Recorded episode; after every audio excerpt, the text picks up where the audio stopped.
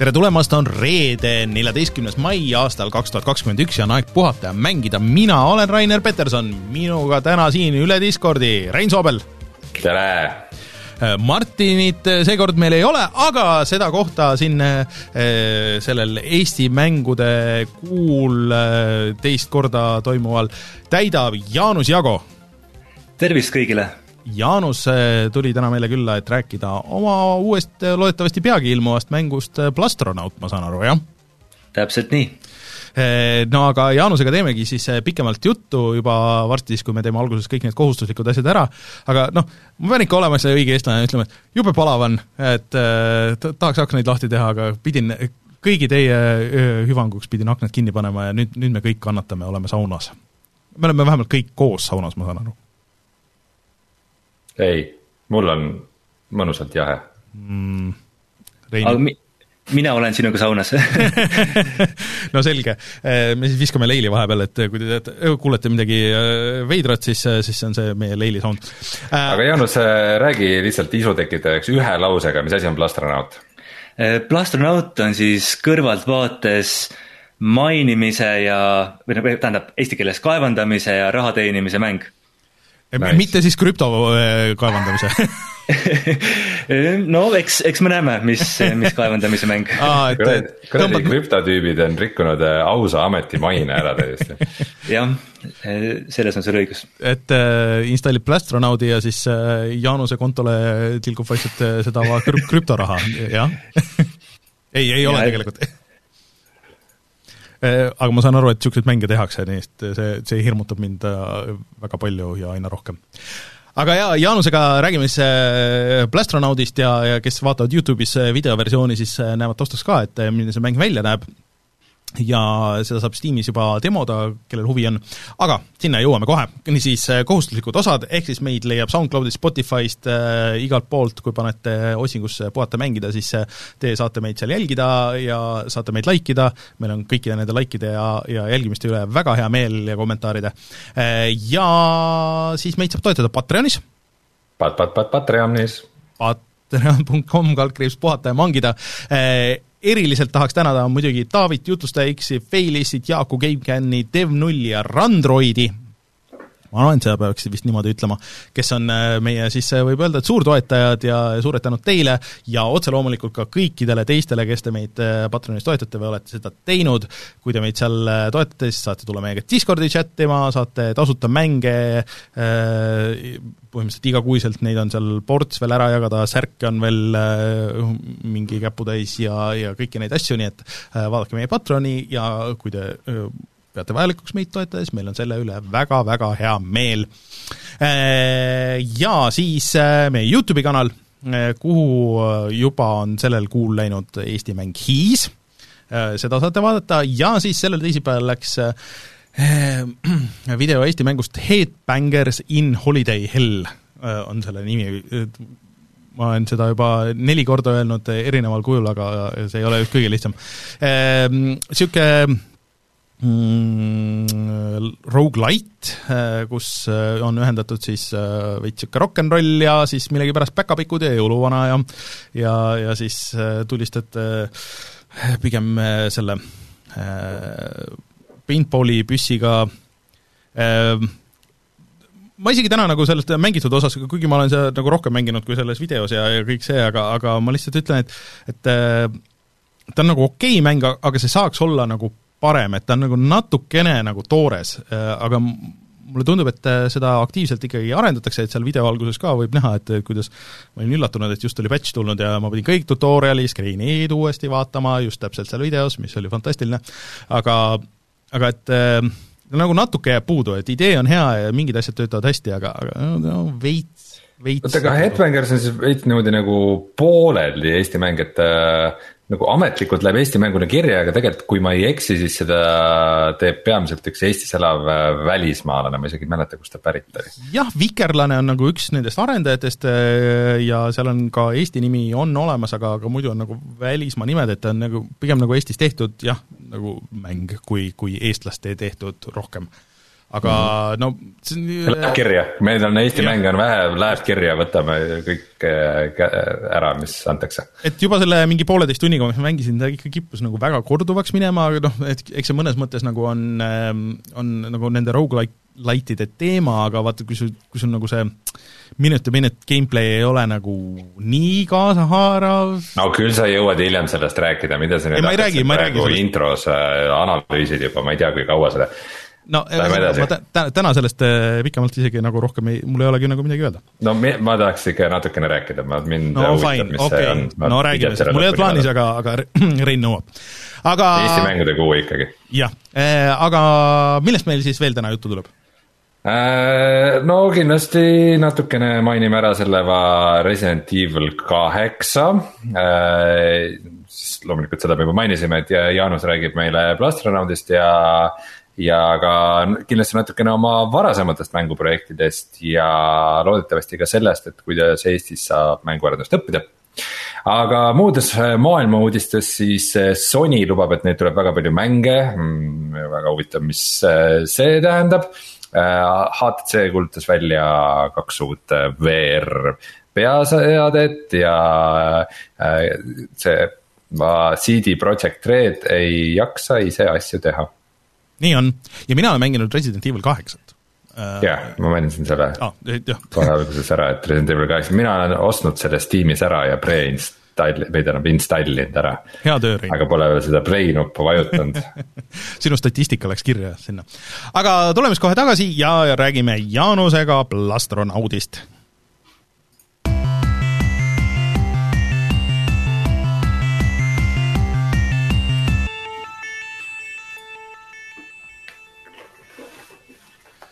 niisiis, äh, kuidas me alustame, et kas sa tahad alustada päris algusest, et, et, et mis tõi sind ei, räägime Plastronaudist räägime Plastronaudist. ma ei, ma ei lase Rainaril kohe heietama hakata. mis mäng on Plastronaut, sa rääkisid meile ühe lausega, räägi nüüd mõne lausega veel jah, no äh, žanri mõttes on natuke keerulisem, et äh, mina, mina ütleks, et tegemist on siis ka siis avatud maailmaga, sellise liivakasti tüüpi mänguga, kus äh, Äh, kus siis mängija saab ise, ise otsustada, kuhu ta läheb ja, ja mida ta teeb. et mängija on siis selline plastronaut või, või nagu väike astronaut, kes on saadetud suure korporatsiooni poolt siis tulnukate planeedile seda planeeti mineraalidest ja, ja muust head, heast ja paremast, mast tühjaks kaevama.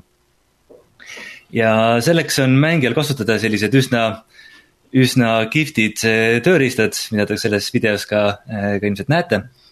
et, eh, et näiteks selline plahvatav keel, mis siis tekitab palju, tekitab palju plahvatusi, aga neid, neid tööriistasid ma nüüd lähiajal lisan sinna veel, veel kõvasti juurde. ja samuti on tal siis jetpack ma ei tea, kuidas seda eesti keeles äh, hästi nimetada, te võite mulle pakkuda midagi. reaktiivseljakott reaktiivseljakott, vot äh, ja see, sellega ta saab siis põhimõtteliselt maailmas, maailmas ringi lennata, ehk siis. ehk siis mäng on justkui, justkui Terraria, aga hästi palju kiirem. ehk siis, ehk siis kaevamine ei võta, võta praktiliselt üldse aega. ning mängu siis selline core või noh, selline peamine eh, tsükkel, eh, core loop, eh, siis sarnaneb, sarnaneb siis sellisele mängule nagu Motherload, äkki keegi, keegi on, keegi on kuulnud, et kus, kus sa siis pead siis kaevama kraami maa seest välja ja siis seda maha müüma, et enda, enda varustust uuendada. Hmm. Leian Steamist Super Motherloadi. Plastronaudile ilmus demo Steam'i, mida, mida kõik saavad äh, tasuta proovida. Äh, mina mängisin selle ka kunagi äh, läbi ja kõik, kes meie praegu, meid laivis kuulavad, võivad samal ajal mängida, kui nad kuulavad. aga millal see mäng ise välja tuleb? ja et see lisaks sellele, et, et Steamis on Plastronaudi demo, on seesama demo olemas ka itš.io-s, kus ta on siis, kus ta on siis veebiversioonina ka nagu täiesti mängitav, et et. nagu brauseris? täiesti jah, brauseris, ehk siis oh,, ehk siis ei tohiks olla küll mingit põhjust seda mitte proovida ei pea isegi installima, super. ma tahtsin küsida, et kas see on äh, sama demo, mis Steamis või, või see on midagi, midagi muud? jah, see on täpselt sama demo ah., sama Mac töötab, et seal mõndade sülearvutite peal võib vahel olla heliga veidikene, veidike probleeme. Siis noh, tehnili-, minust olenevate, minust mitte olenevatel tehnilistel põhjustel. aga, aga muidu, kui, kui ta, kui heli töötab hästi, siis, siis on täpselt sama mäng okei okay., ära nüüd hirmuta ära inimesi, ma ei julge seda demo proovida, et äkki mingi, mingi helijama. nii, aga see täismäng, millal see tuleb siis? täismäng, no seda ma olen nüüd seda plaani natukene edasi lükanud niimoodi jupiti, et, et algne plaan oli see tegelikult lasta juba sellel suvel välja. See, see valmib õudselt ma, ma praegusel hetkel plaanin seda pigem, pigem sügisesse lükata. pärast, pärast järgmist Steam'i, Steam'i siis seda festivali. et, et põhjus on selles, et, et mängudel tihtipeale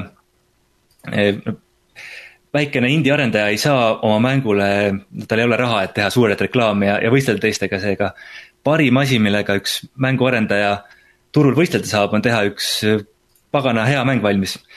ja, ja, ja ma leian, et ma pean veel natukene, natuke rohkem aega panema sinna, et, et see, et see väljalaskmise hetkel oleks oma kõige paremas vormis veidikene vist featuure ka sisse kriipinud, et äh, algselt oli vist tegu üksikmänguga, aga nüüd ma saan aru, sul tööversioonina on seal ka mitmikmäng sees. jah, et äh, kui siin alguses oli, algselt oli küsimus, et, et kuidas siis alustada algusest, siis äh, siis räägi selle mängu lugu. et siis selle mängu arendamisega ma alustasin eh, eelmise aasta suvel eh, ise. ja, ja alustasin seda siis tegema uue mootoriga, minu, minu jaoks uue mootoriga, eh, milleks on siis Godot mootor ma olin Unity mootorist üsna, üsna väsinud ja tahtsin midagi lõbusat ja see oli, oli päris lõbus. ja see oli nii lõbus, et ma otsustasin, et, et ma tahan seda mängu, mängu valmis teha ja välja lasta. ja siis sügisel minuga siis liitus üks tudengimeeskond, eh, kes aitas mul teha sellele mängule mitmik, mitmikmängu toe, ehk siis taustal tegelikult on, on juba olemas seesama demoversioon, eh, töötab täiesti ka mitme, mitme mängijaga. Eh, ehk siis mõeldud on siis nagu koostöömänguna mängimiseks, et, et mitu sõpra saab, saavad koos, koos üle Steam'i, Steam'i siis võrgu neid, seda mängu mängida. kui keeruliseks see ühe indie-mängu arenduse teeb, kui sa pead samal ajal seda mängu justkui tegema mm, nii ühele kui ka mitmele mängijale, mitu seal mängijaid kõige rohkem olla saab? see teeb selle umbes topelt keeru-, keerulisemaks. ehk siis, ehk siis seal hetkel sellist hard limiiti ei olegi. ma arvan, et, et see tuleb testimise käigus välja, kui palju. ükskõik, kui palju mängijaid võib praegu mängida korraga. okei. jah, ma, ma ei tea ma ei ole, ma ei ole testinud, ma ei ole, ma ei ole lihtsalt sinna sisse kirjutanud, et sinna saab ainult, ainult X mängu mängijat panna. aga noh, see jah, see mitte mänguarendajad või mitte mängudisainerid ei pruugi seda taibata, aga seoses sellega, et nagu sama levelit saab mängida nii üksi kui mitmekesi, siis kohe ju kogu see mängu tasakaal ja levelite disain ja nagu äh, kogu see, kuidas see mäng käitub ja füüsika ja võimalused üksteist ära tappa kogemata ja nagu kõik see tekitab ju meeletult peavalu äh, jah, jah, tegeleb, tekitab, aga noh, muidugi selle mängu üks selline unikaalne äh, unikaalne punkt on see, et see maailm, eh, mis mängija ümber, ümber luuakse, on, on suhteliselt lõpmatu suurusega, eh, ehk siis, ehk siis eh, seal alati jätkub kõigile mängijatele ressursse kaevandamiseks. iseasi, kas see, kas see tehniliselt ka väga paljude mängijatega töötab, eks me, eks me, eks me seda näeme aga sa teed praegu noh, lisaks siis sellele tudengimeeskonnale, kes aitas mitmikmängu osaga, et sa muidu teed seda täiesti üksi? Äh, ei, sellest, sellest aastast on äh, veel kaks äh, tudengit mul, mul abiks, kes siis, kes siis, kellest siis üks tegi, tegi väga ägeda vastaste süsteemi, mida te ilmselt seal videos ka, ka silmate. ja teine, teine tudeng tegi siis selliste mallide genereerimiseks siis, ehk siis tüüpiliselt, kui te olete teisi mänge mänginud, mis on siis nagu protseduuriliselt genereeritud maailmadega, siis nad on, siis nad on üsna, üsna tühjad ja, ja kiiresti muutuvad üksluiseks. et, et need mallid, mis sinna, mis, mis ma sinna nüüd lisan, võimaldavad selle siis, võimaldavad siis sinna protseduuriliselt genereeritud maailma sisse panna selliseid käsitsi, käsitsi loodud kohtasid ja, ja tükke, mis, mis, mis võiks anda mängijatele piisavalt palju avastamisruumi hmm ma olen kogu aeg mõelnud seda, kuna ma mängin palju rogu-like'e ja rogu-lite mänge, siis kui needsamad nagu mingid äratuntavad kohad, kuhu sa jõuad, et kuidas nagu see tehtud on või, aga nojah, see no, mallide süsteem seletab palju. Derek Yu vist äh, Spelankiga seoses on äh, väga palju sellest rääkinud, et äh, kuidas see Spelankis see süsteem oli üles ehitatud ja et et kuidas see on nagu osa mängudisainist, et selles mõttes on päris huvitav. aga mis sul siiamaani siis kõige nagu see raskem osa selle arenduse juures on olnud, et, et ma saan aru, et sul on nagu natuke enne ka kogemust, aga, aga mis praegu on olnud midagi niisugust, et mida sa nagu ei näinud ette tulemas? Selline, no ütleme, minu jaoks kõige, kõige keerulisem osa on ikkagi selle mängu selline tehniline, tehnilise arhitektuuri hea paikapanemine, et see noh, see kogemus tuleb, tuleb aastatega, aga aga, aga noh, uues mootoris on see natuke, natuke teistmoodi, ehk siis kui ma al-, algselt tegin selle mängu Godot's, ütleme, neid standardseid sisse ehitatud eh, vahendeid kasutades.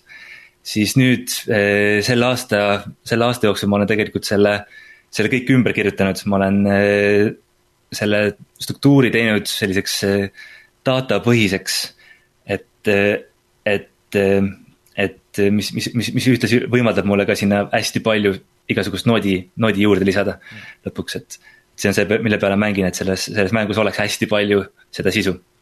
kas see tähendab, et sa lõpuks jõuad nagu sellisesse hetke välja, et sul nagu seda Godot mootorit ei ole enam vajagi, vaid et sa justkui oledki kõik nullist val-, valmis ise programmeerinud?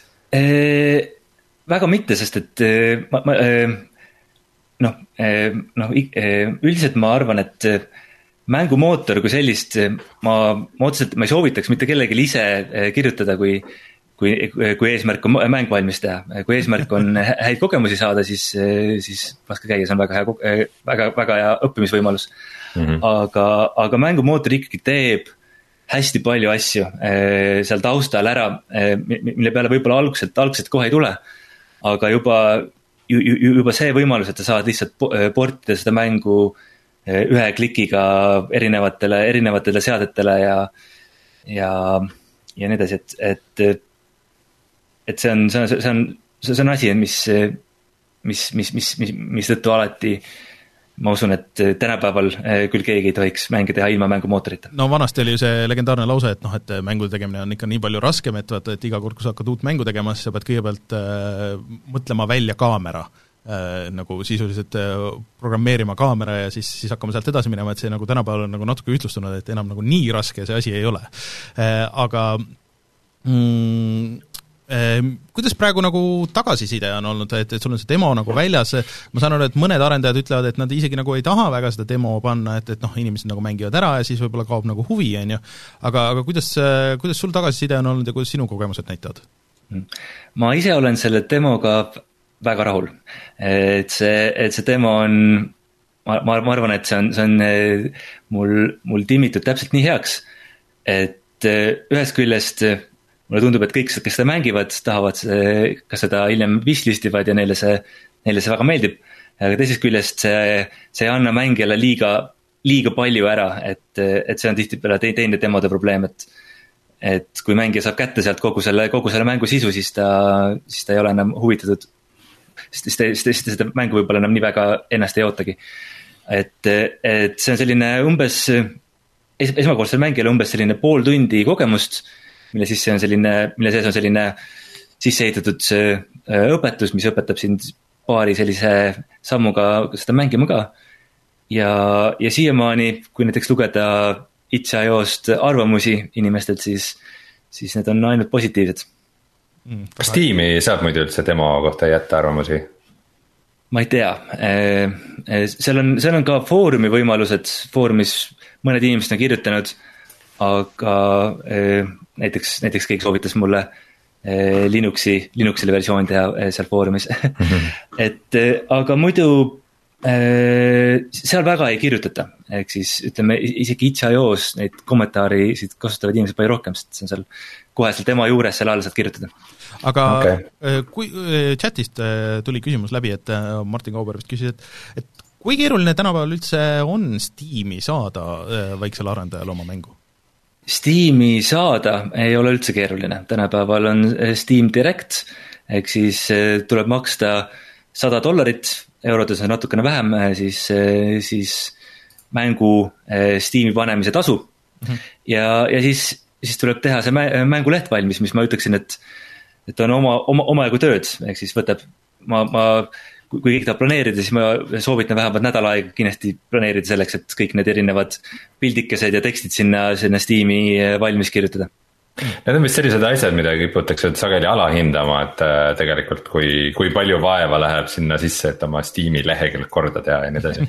Aga, aga äh, arendajate jaoks on see tegelikult selline negatiivne pool ka, sest et kui varem oli, oli Steam mõnes mõttes ikkagi eksklusiivne, et äh, ajaga läks järjest vähem eksklusiivsemaks, et tuli see Steam Greenlight ja siis kadus see ära ja nüüd on Steam Direct siis, siis tänu sellele see mängude hulk, mis sinna tuleb, on ka väga palju suurem ja väga paljud mängud on ka, ka hästi äh, lahjema kvaliteediga, ehk siis Steam aktiivselt tegeleb nende mängude ärapeitmisega. ehk siis ta üritab leida asset flip'e või selliseid äh, hästi kiiresti päevaga kokku pandud mänge ja neid ära peita.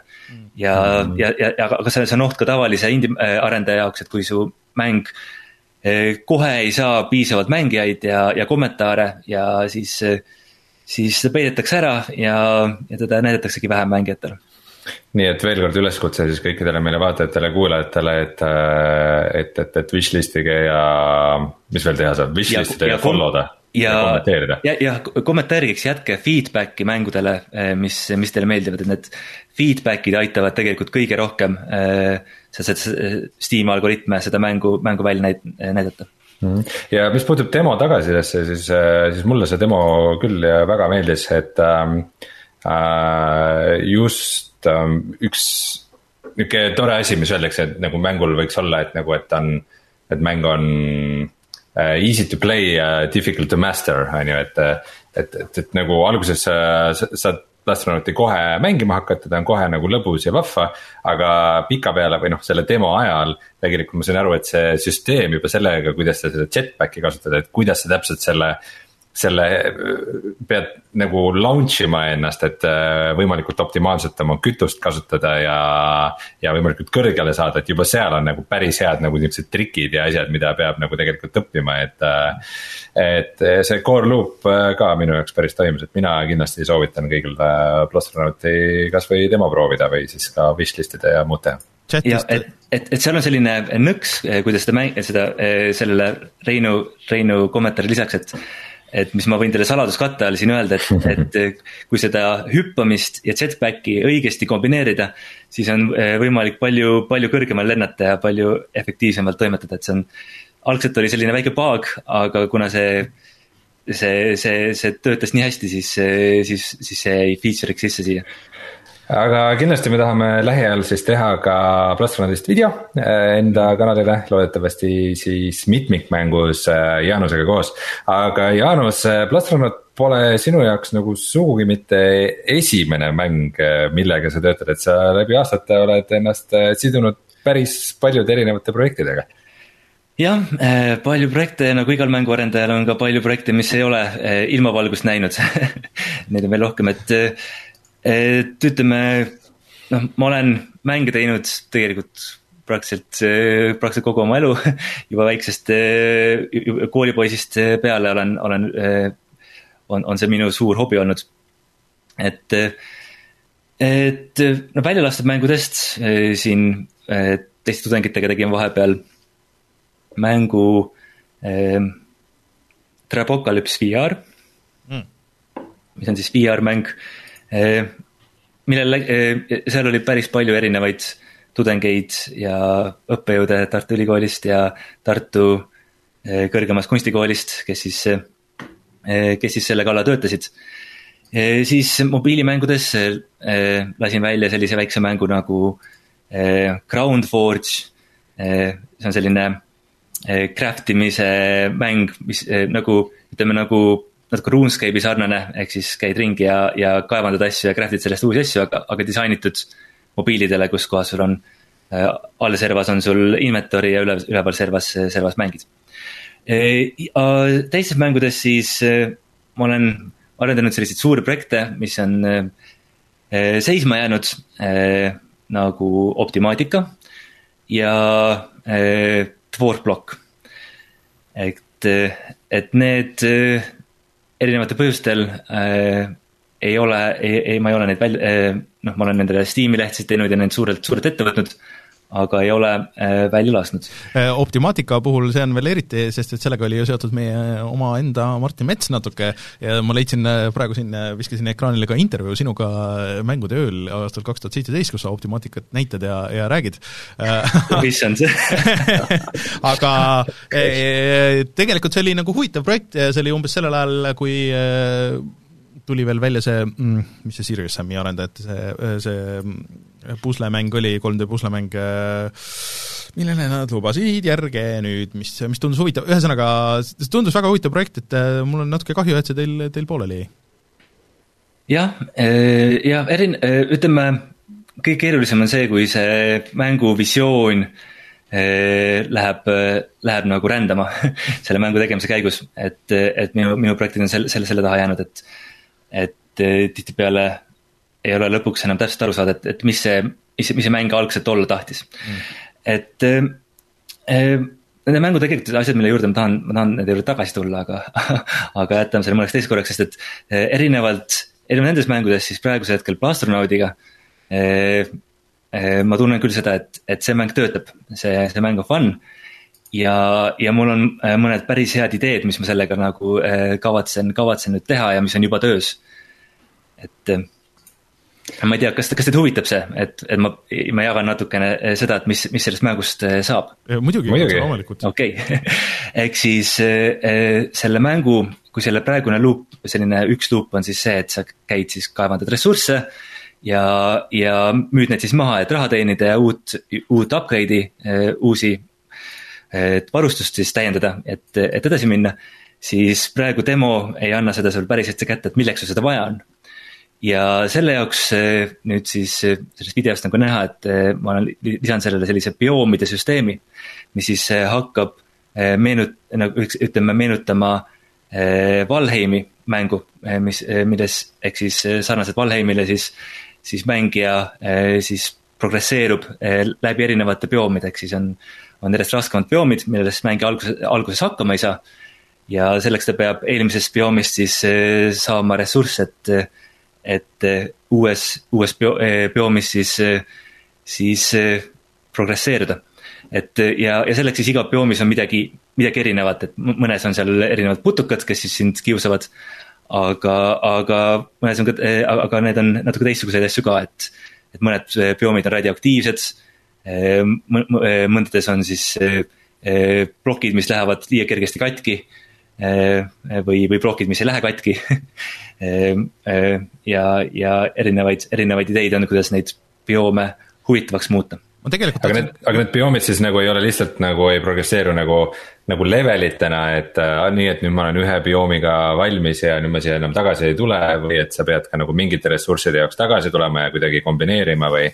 sa pead äh, tagasi tulema, äh, oota, ma, äh, sest et ütleme, see on siis selline teine loop sinna peale, kus sa siis progresseerud läbi nende bioomide ja upgrade ja uuendad oma varustust Mm -hmm. kolmas, eh, kolmas eh, plaan on, on sellega, et noh, praegusel hetkel selles demos on seal sellised eh, erinevad masinad, siuksed platvormid, mida saab avastada ja masinaid siis parandada, et, et siis näha, mida siis sealt osta ja müüa saab.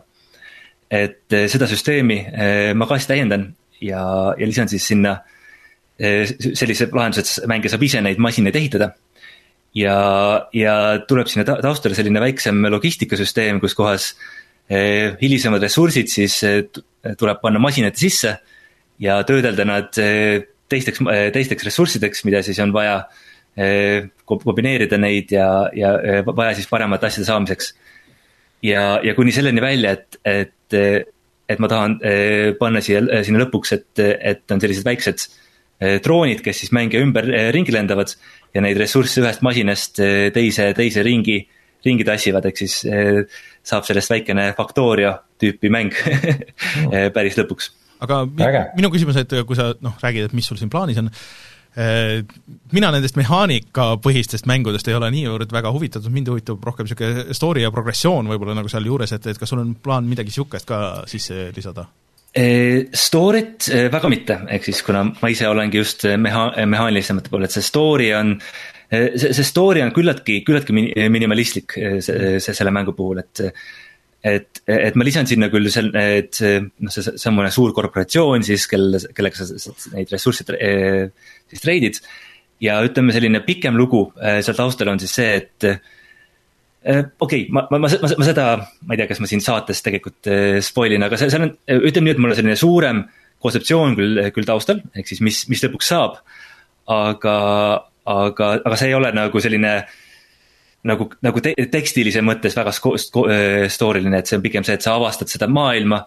ja selle käigus sa siis saad ühel hetkel aru, et et, et midagi, midagi juhtub selle maailmaga aga kas, kas see on, saab olema niisugune mäng, mida on võimalik nagu üldse nagu läbi teha, et kas see saab millalgi otsa või, või idee on nagu see, et sa võid seda teoreetiliselt jää, jäädagi lõpmatuseni? kas lõpuboss on mängul hetkel ma ei ole nii kaugele edasi planeerinud, et selle mänguga, see on see, ma plaanin selle avaldada siis sügisel või äkki, äkki jõuab suvel, aga, aga, aga hetkel ma pakun, et pigem sügisel. Eh, ma plaanin selle avaldada early access mänguna, et kõik need ägedad masinad ja asjad sinna, sinna lisada mm.. ja, ja siis hakata neid, seda content'i sinna siis eh, järjest nagu juurde panema, et. et selle käigus, selle protsessi jooksul siis ilmselt tulevad ka need lõpubossid ja, ja muud eh, eh, muud asjad, mis tõmbavad selle mängu kokku. ehk siis, ehk siis areneks justkui, justkui näiteks Subnautica mäng arenes, et et, et võtab, võtab aega, kuni see päris, päris lõpp sinna ilmub mm. muide, väike kõrvalepõige, et äh, Subnautica'l äh, just siis äh, nüüd tuli välja või tuleb nüüd lähipäevadel see lisapakk, mis kasvas välja justkui nagu järjeks, ehk siis below zero, et äh, asi, mida ma kindlasti tahaks proovida. aga äh, tagasi teema juurde, Jaanus äh,, sa mainisid mitu korda, et sa teed asju koos üliõpilastega mm. -hmm kas Tartu Ülikooli on tekkinud mingisugune kõvem mänguarendusskeene? jah, tõepoolest noh kui, kui palju kõvem, aga me, me tegeleme sellega üsna, üsna aktiivselt, et seda valdkonda ka siis arendada. ja viimaste aastate jooksul me oleme, oleme just nimelt Tartu Ülikooli siis Arvutiteaduste Instituudi tuudis sellise oma töörühma kokku pannud, kes siis, mis on siis nime poolest Eh, virtuaalreaalsuse ja eh, ja eh, arvutigraafika ja virtuaalreaalsuse siis labor ja, ja, ja töörühm. aga, aga see hõlmab endas ka siis arvutimängude loomist mm. -hmm. et ma saan aru, et sihukest eriala nagu arvutimängude arendaja veel Tartu Ülikoolis ei õpetata, küll aga te olete loonud siis mooduli ja erinevaid kursusi selle raames, jah? jah, täpselt nii, ehk siis äh, veel sellist suurt eriala, ütleme, ei ole, äh, kuigi äh, meil on jah, päris palju kursuseid, et me oleme õpetanud arvutigraafikat, mis siis räägib sellest, äh, kuidas, või noh, kirjeldab siis täpsemalt siis telgitagused, kuidas video, videokaardid täpselt töötavad ja kuidas see ilus kolmemõõtmeline pilt nagu matemaatiliselt siis ekraanile ka manatakse, et.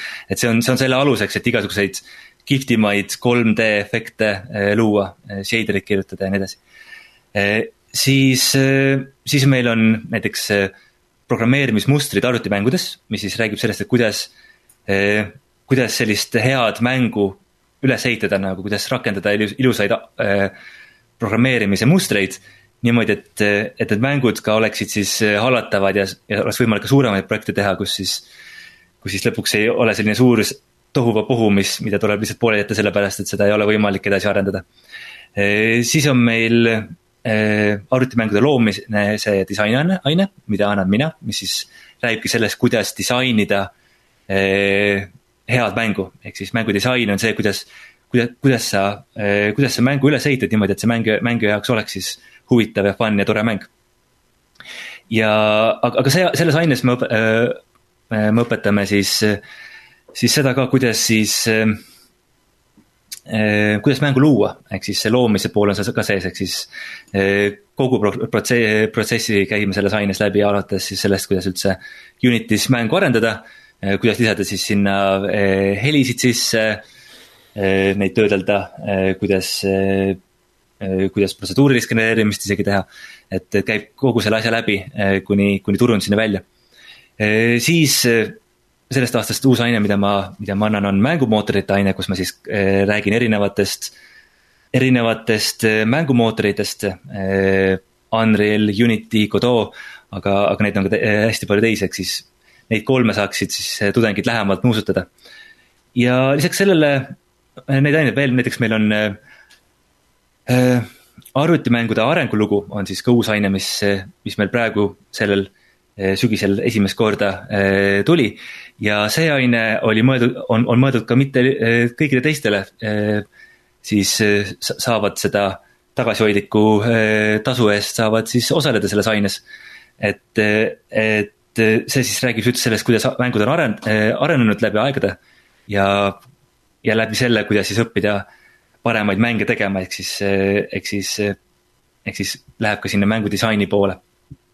aga, aga kõik siis nagu mängude ajaloo või arengu mõistes aga mul, mul on sulle üks küsimus, äh, mida ma peaaegu kõigilt olen küsinud, kes siin, äh, kes siin käinud on, et kui äh, äh, keegi, kes kuulab ja, ja on niisugune äh, kas algaja mänguarendaja või, või tahab ikkagi seda teekonda ette võtta ja, ja tahab alustada, siis mis on need sõnad, mida, mida sina ütleksid kellelegi, kes noh, nagu vaagib, et võiks alustada või on juba seda teinud, et mida peaks silmas pidama?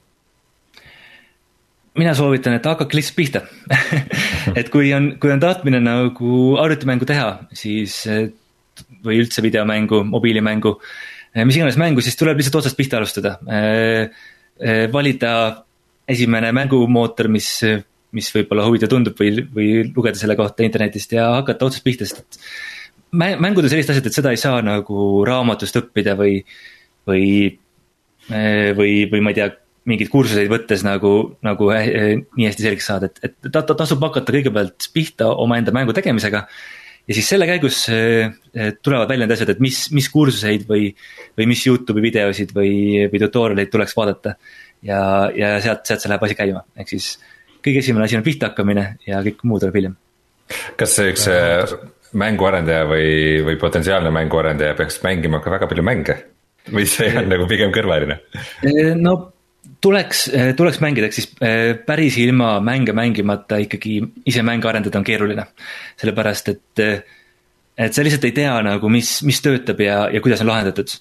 ja ütleme niimoodi, et, et, et, et, et ma, ma isegi, kui ma vahepeal mänge arendan, siis ma, siis ma mängigi mingeid mänge sellepärast, et, et, et teada, kuidas nemad on mingisuguseid olukordasid lahendanud, sest et, sest et kui läheb tegemiseks, siis, siis tekib päris, päris palju siukseid küsimusi, et kuidas, kuidas mingisugust sellist sellist asja hästi teha või, või, või näiteks, mis on halvasti tehtud, et näiteks noh, toon näitena, et Plastronaudis minu üheks disaini nagu eesmärgiks on see, et ma minimaliseerin või väldin nii palju kui võimalik, on mängusiseseid äh, kasutajaliideseid, ehk siis, et mängu sise, sees ei hüppa sulle lahti mingisuguseid pop-up aknaid ja, ja selliseid asju, et näiteks kui ma mängisin No Man's Sky'd, siis eh, selle käigus ma sain aru, et, et pool mängust ma veedan, eh, ma veedan mingi, mingisuguseid, mingites menüüdes, mis, eh, mis, mis tundus suhteliselt kohutav. No Man's Sky alguses need menüüd olid ka maksimaalselt ebamugavad kasutada, ilmselt praeguseks on see paranenud -hmm. et ma, ma ütleks vahele veel ühe asja, millest ma tahtsin enne rääkida.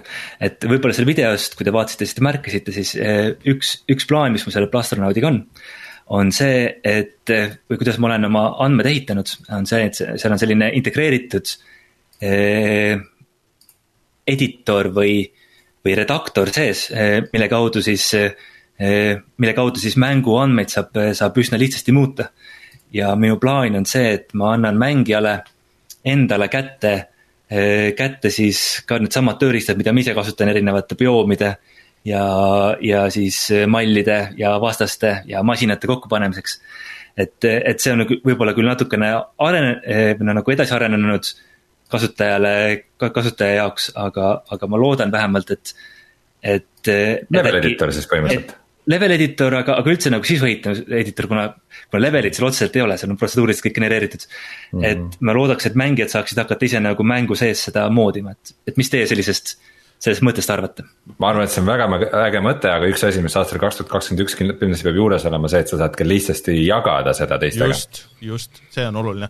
aga mulle väga meeldib see idee, et äh, isegi kui ma väga ei tee, peale Mario Makeri nagu väga ei ole neid kasutanud, siis äh, mulle see idee nendest väga meeldib ja alati noh, kui näed, mida keegi suudab teha, noh tavaliselt isegi nagu, nagu need mängu ja editori enda arendajad eh, ei näegi ette kõike seda, mida kasutajad võivad teha, et, et seal võib väga ägedaid asju tulla.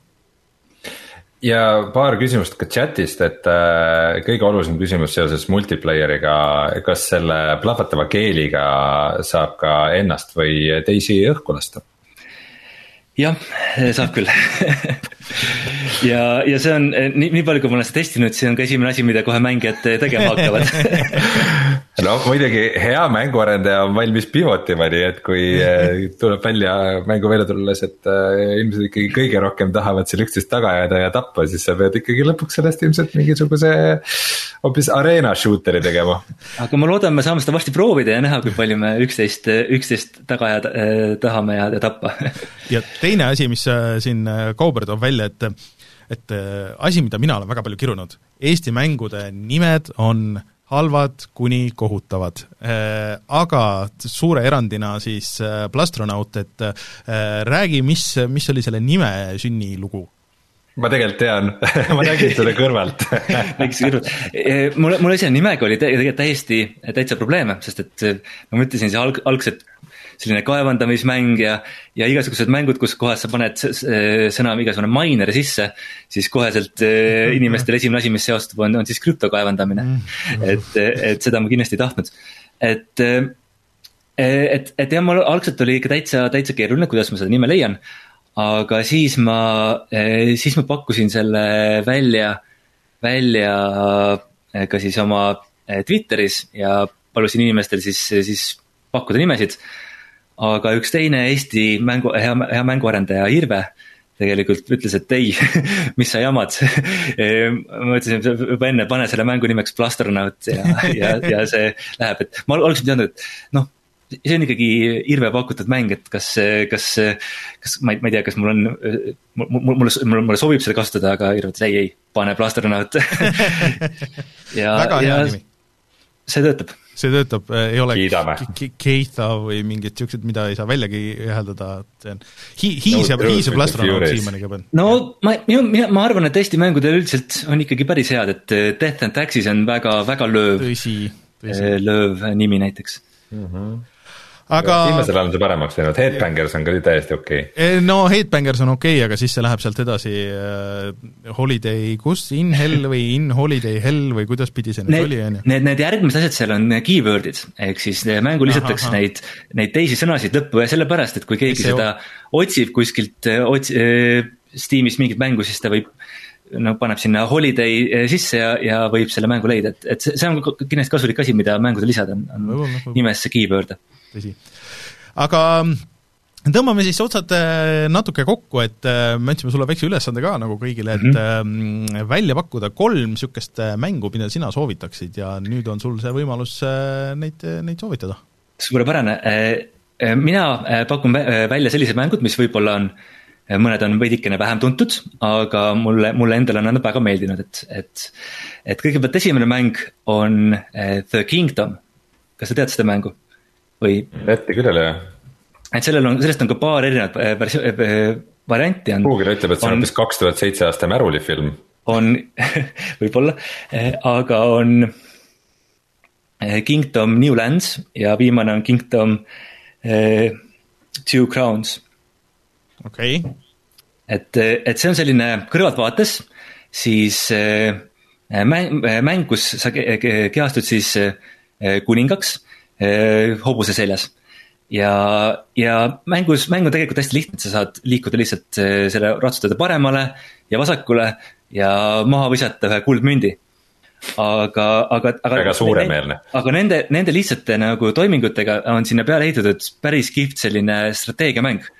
ehk siis, kui sa selle, sa saad eh, näiteks lähed Kerjuse juurde ja annad talle selle kuldmündi, siis tema võtab selle ülesse ja, ja muutub ta, talumeheks, kes tuleb sinu, sinu külla, külla elama. et kui sa, kui sa paned selle mingisugusesse kohta, mis seal külas on, siis kus on eh,, eh, siis sa saad selle eest osta näiteks vibu kahe kuldmündi eest eh,. talumees läheb, võtab selle ülesse eh,, temast, temast saab viibukütt, läheb eh, sulle eh, jäneseid jahtima ja jäneste eest saad, annab sulle raha tagasi ja nii edasi ja öösel tulevad siis eh, kurjad kollid, kes, eh, kelle vastu sa pead siis eh, võitlema ja, ja müüre ehitama ja hmm., ja selline väikene mäng, aga hästi, hästi unikaalne minu, minu arvates. päris äge näeb välja nüüd siin videost. mul isegi tuleb meelde, et mul kunagi täitsa tuli orbiidile see, et see tundus nagu mehaanikate poolest väga huvitav, aga siis ma lugesin midagi halba selle kohta ja otsustasin seda ikka mitte proovida. aga kas see, kas see vist on äkki mingit isegi mobiilidel väljas või midagi? mobiilidele ma ei tea, kas, kas seda on, aga, aga nüüd see viimane Two Crowns on, on mitm-, mitmikmänguga, ehk siis seal on mm., saab ka, saab nagu kahekesi seda, seda mängu äh, mängida, mis, mis muidu ta natukene vahepeal läheb pikaks, aga kahekesi mängides on, on üsna, üsna lõbusam. et mm et, et, et see on, see on tegelikult mäng, mille ma võib-olla hiljuti, hiljuti mängisin läbi jah, mulle tundub küll, et aga, on aga, nii iOS-il kui Androidil ka olemas ja Switch'il. Need kõik need versioonid, ka need New Lands ja, ja ka see kõige esimene Kingdom, need on praktiliselt, praktiliselt ühesugused need mängud kõik, et. et eh, kui te kuskilt soodukaga leiate, siis tegelikult ei ole vahet, kas, milline see on mm., seda on päris tihti soodukas olnud ka. Eh, teine ja, mäng, eh, teine mäng, see on natuke tuntum, võib-olla olete proovinud, on, on Hardspace Shipbreaker. Hmm.. ka Oled, mul orbiidil, aga pole mänginud. et, et vot see, see on selline, selline mäng nagu, nagu ma tahan tulevikus, tulevikus teha. Et, et, et et põhimõtteliselt noh, võib-olla natukene optimaatika sarnane või, või sinna tahtis, tahtis see minna. aga põhimõtteliselt selline mäng, kus sa oled siis ka saadetud siis suure korporatsiooni poolt siis orbiidile siis äh, tähelaevu tükkideks, tükkideks lammutama, ehk siis sul on väga vinge selline lasercutter, millega saad sealt tükke, tükke võtta. ja, ja siis sa pead ja, ja siis sa pead seda, seda, seda tükkideks tegema ja tükid, tükid õigetesse kohtadesse siis äh, maha müüma. aga, aga noh, seal on siis ka palju erinevaid siis ohtusid, et, et ühest küljest nagu on lahe küll nagu laev pooleks lõigata. aga teisest küljest enne tuleb e, e, meel, meeles pidada, et, et sellest laevast rõhk välja lasta, sest et muidu, muidu niipea, kui sa sinna sisse lõika teed, nii peale lendab sulle see tükkideks mm. -hmm. ja jah, ja, see on ka siis praegu, praegu, eelmisel aastal tuli siis välja ja praegu Early Access'is arenduses.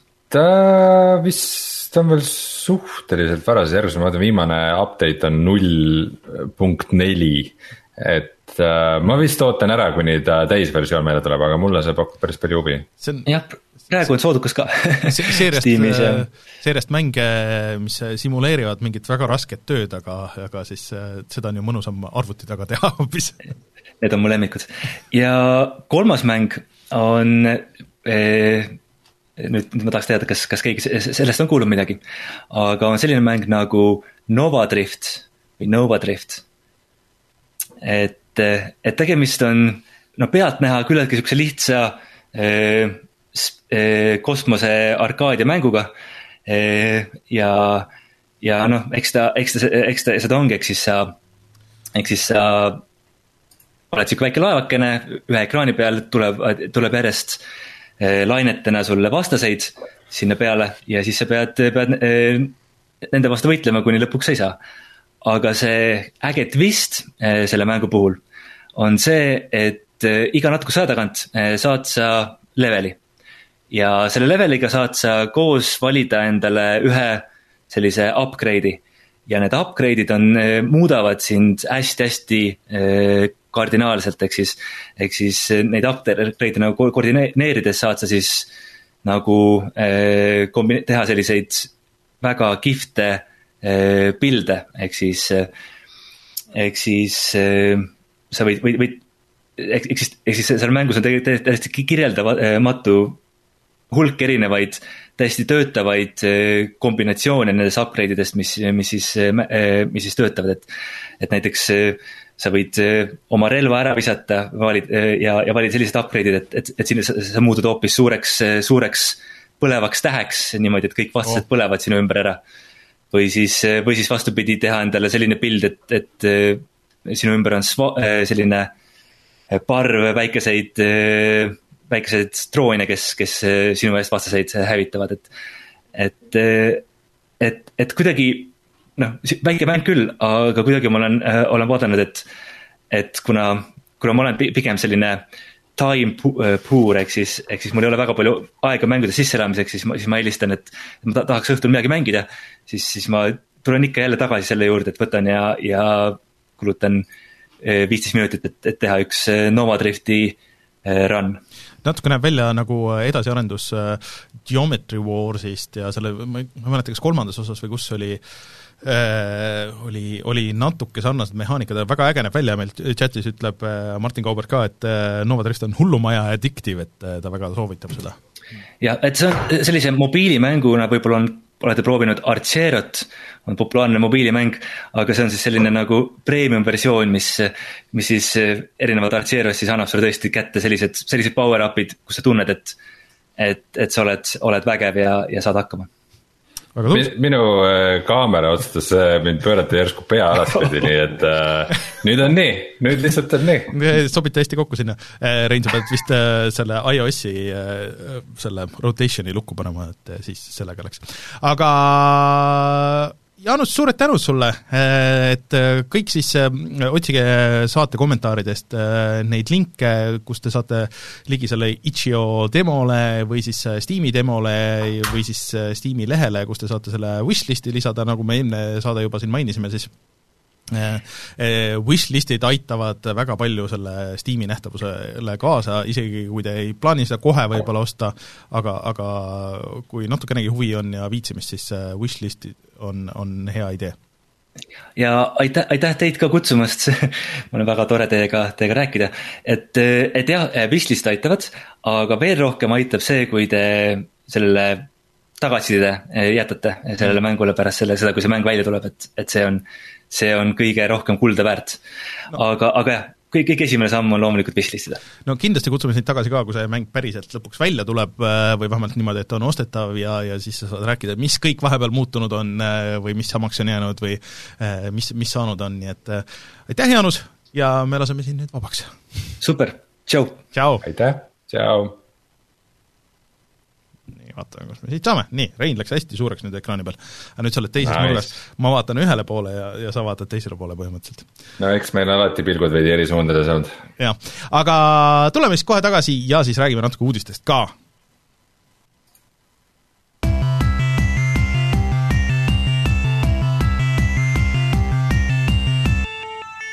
uudised võtame siia väikse Sony ploki siis äh, kohe algusesse, et äh, ilmselt kõiki mängureid huvitab ilm-, see, see nende kõige niisugusem ähm, äh, vabam või, või niisugusem äh, äh, mitmeti mõistetavam äh, väljaütlemine, ehk siis et väidetavalt on Sonyl töös kakskümmend viis mängu PlayStation viiele, et PlayStation viie eksklusiivi äh,, ja nendest lausa pooled olla täiesti uued IP-d ja et nende kahekümne viie sees on suuri mänge, on väikseid mänge, äh, on mänge igale, igale maitsele väidetavalt, aga mis need täpselt on et äh, artiklites on välja toodud noh, need käputäis, mida me teame, et seal on noh, see Horizon Zero Dawn kaks ja, ja, ja mingi mõned veel, aga et siis sealt midagi God of War'iga seoses. jah, et mingi käputäis jääb veel asju, aga millal need välja tulevad, mis need täpselt on, et seda me muidugi hetkel veel ei tea.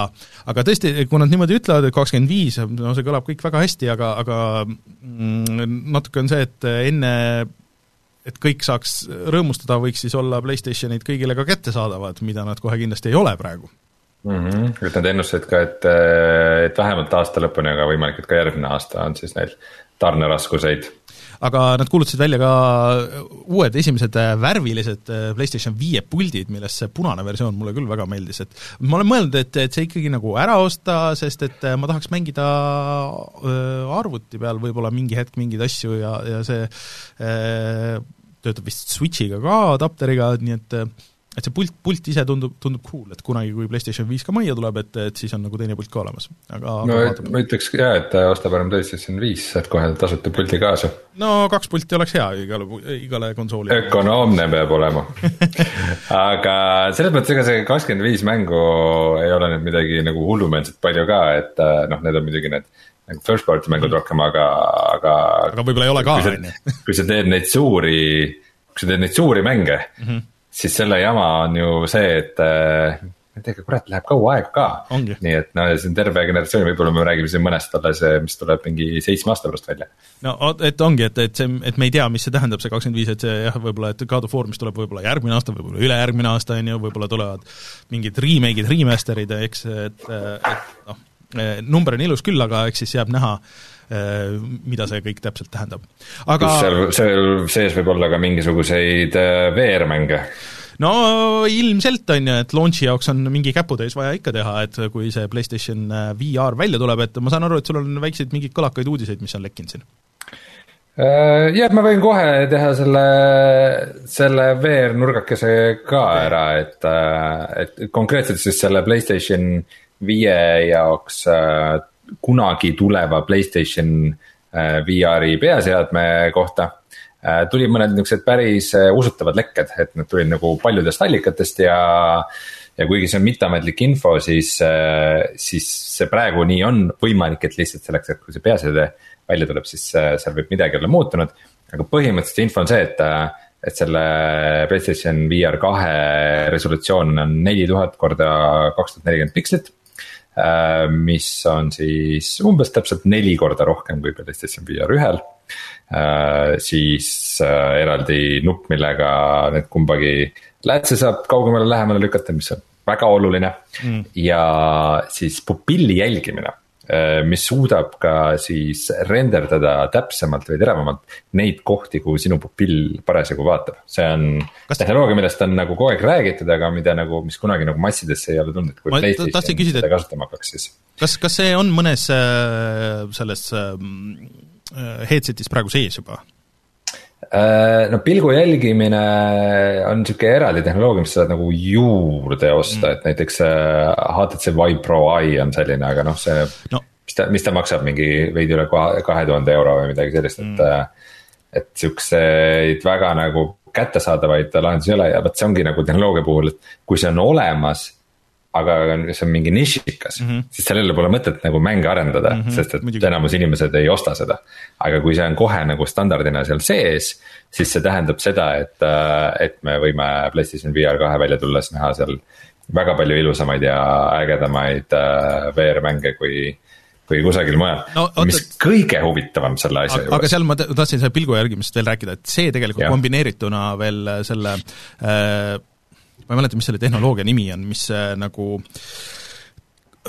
ongi adaptive resolution, aga, aga nagu niimoodi, et sul on nagu ühes kaadris on erinevad resolutsioonid nagu koos, et see, kus sul action toimub, on, renderdatakse kõige teravamini ja see, kus ei ole, et, et kui sa veel saad nagu track ida, et kuhu inimene parasjagu vaatab ja seda sa renderdad täpsemalt võrreldes kõige selle ümbritsevaga, et see parandab see ongi foveati rendering. jah, et, et ühesõnaga, et, et see kõik kõlab nagu hullult, hullult ägedalt, aga muide, siia vahele on paslik kommenteerida veel, et see nädal toimus kuidagi VR-maailmas päris palju huvitavaid asju, et et näiteks Steamile tuli just äh, Steam VR-i tuli uus update, et äh, kui mängudes on mõnikord see, et äh, nagu sul nagu keskosast välja jäävad alad VR-mängudes on nagu udusemad mm. -hmm. siis nüüd sa saad ise manuaalselt Steamis muuta seda setting ut, et kui suur see ala on, et mis on terav ja mis on udune.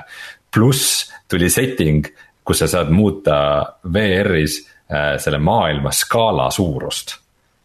okei okay et põhimõtteliselt, et ütleme, kui sa oled väga lühike ja sa ei ulatu mängus mingitele asjadele, siis sa saad Steam'i setting ust muuta nagu kogu selle mängu maailma väiksemaks või siis vastupidi, suuremaks. kordajat.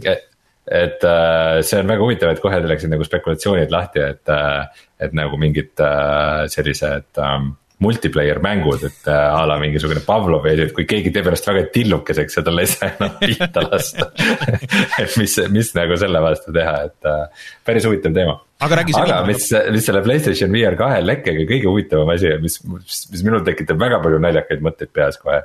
on see, et äh, sellel on, peaseadmel on haptiline tagasiside et kui see, et meil puldid käes võivad vibreerida, see on nagu noh, suhteliselt tavaline, aga kui see peaseade võib ka nagu, et umbes, et keegi laseb sulle kuuli pähe VR-mängus ja siis su see peaseade vibreerib nagu ja põrutab seal hambad suust välja, et see, see on nagu päris no, naljakas idee. pigem, pigem ma arvan, et see on midagi niisugust nagu osadel äh, mingitel äh, nendel geimer äh, headset idel on ka nagu see bass boost ja et, et vaata, et kui sul noh, nagu midagi, mingid suured plahvatused või asjad on see, et et siis sulle antakse nagu läbi, läbi selle vibratsiooni nagu veel ka nagu rõhutatakse seda, et et see võib nagu fun olla, aga tegelikult see tõi mind tagasi selle Sony ja Sony puldi juurde, et et kes rohkem mängivad PlayStation viie mänge, on nagu natuke kurtnud seda, et noh, et, et et esimesel paaril mängul nagu oli see puldi kõik need haptilised ja need asjad, aga noh, viimasel ajal eriti third party asjadel nagu pigem nagu ei ole.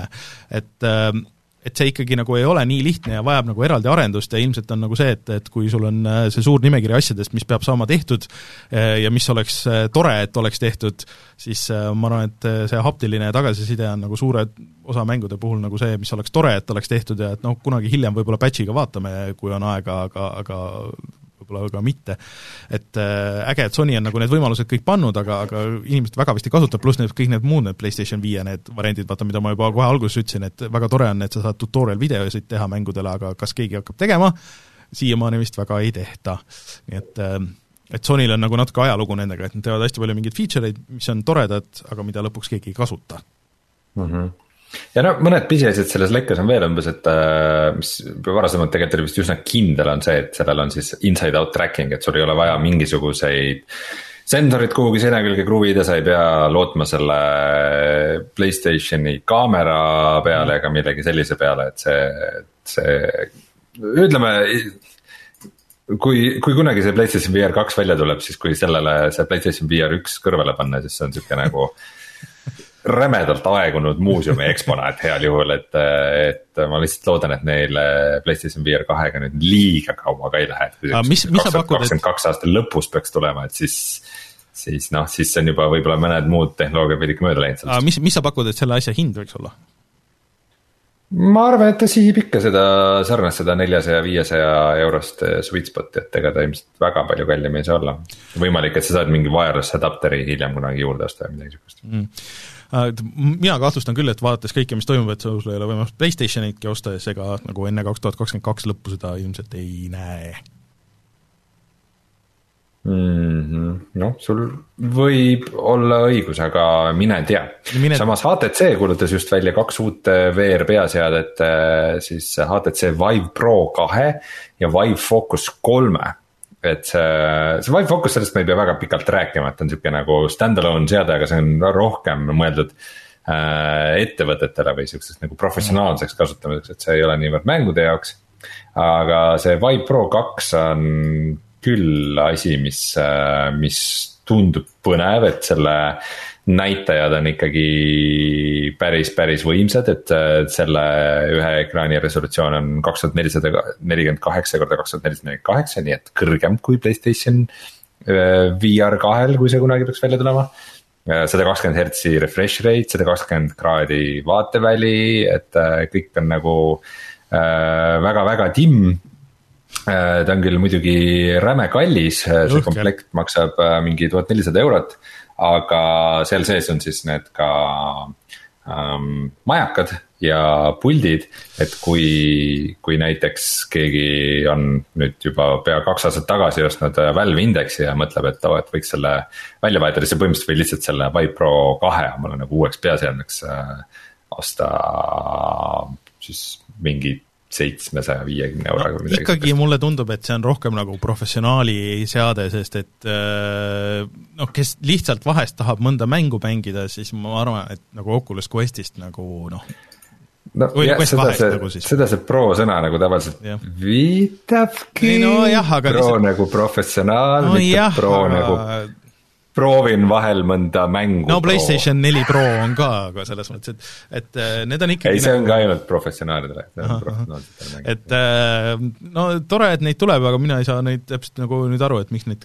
neid kaks just peab olema ja kas neid on vaja ikkagi nagu nii palju, et äh, ehk kui üks, aga korralik. no esiteks on tore, kui on, alati on tore, kui on mingisugune nagu vägev high-end olemas, et siis, äh, siis sa saad öelda, et kurat, see on liiga kallis, et see Quest kaks on, mhm. saan selle palju odavamalt ja, ja loovutan ainult selle, selle, mis mulle ei olnudki tähtsad, mis on okei okay..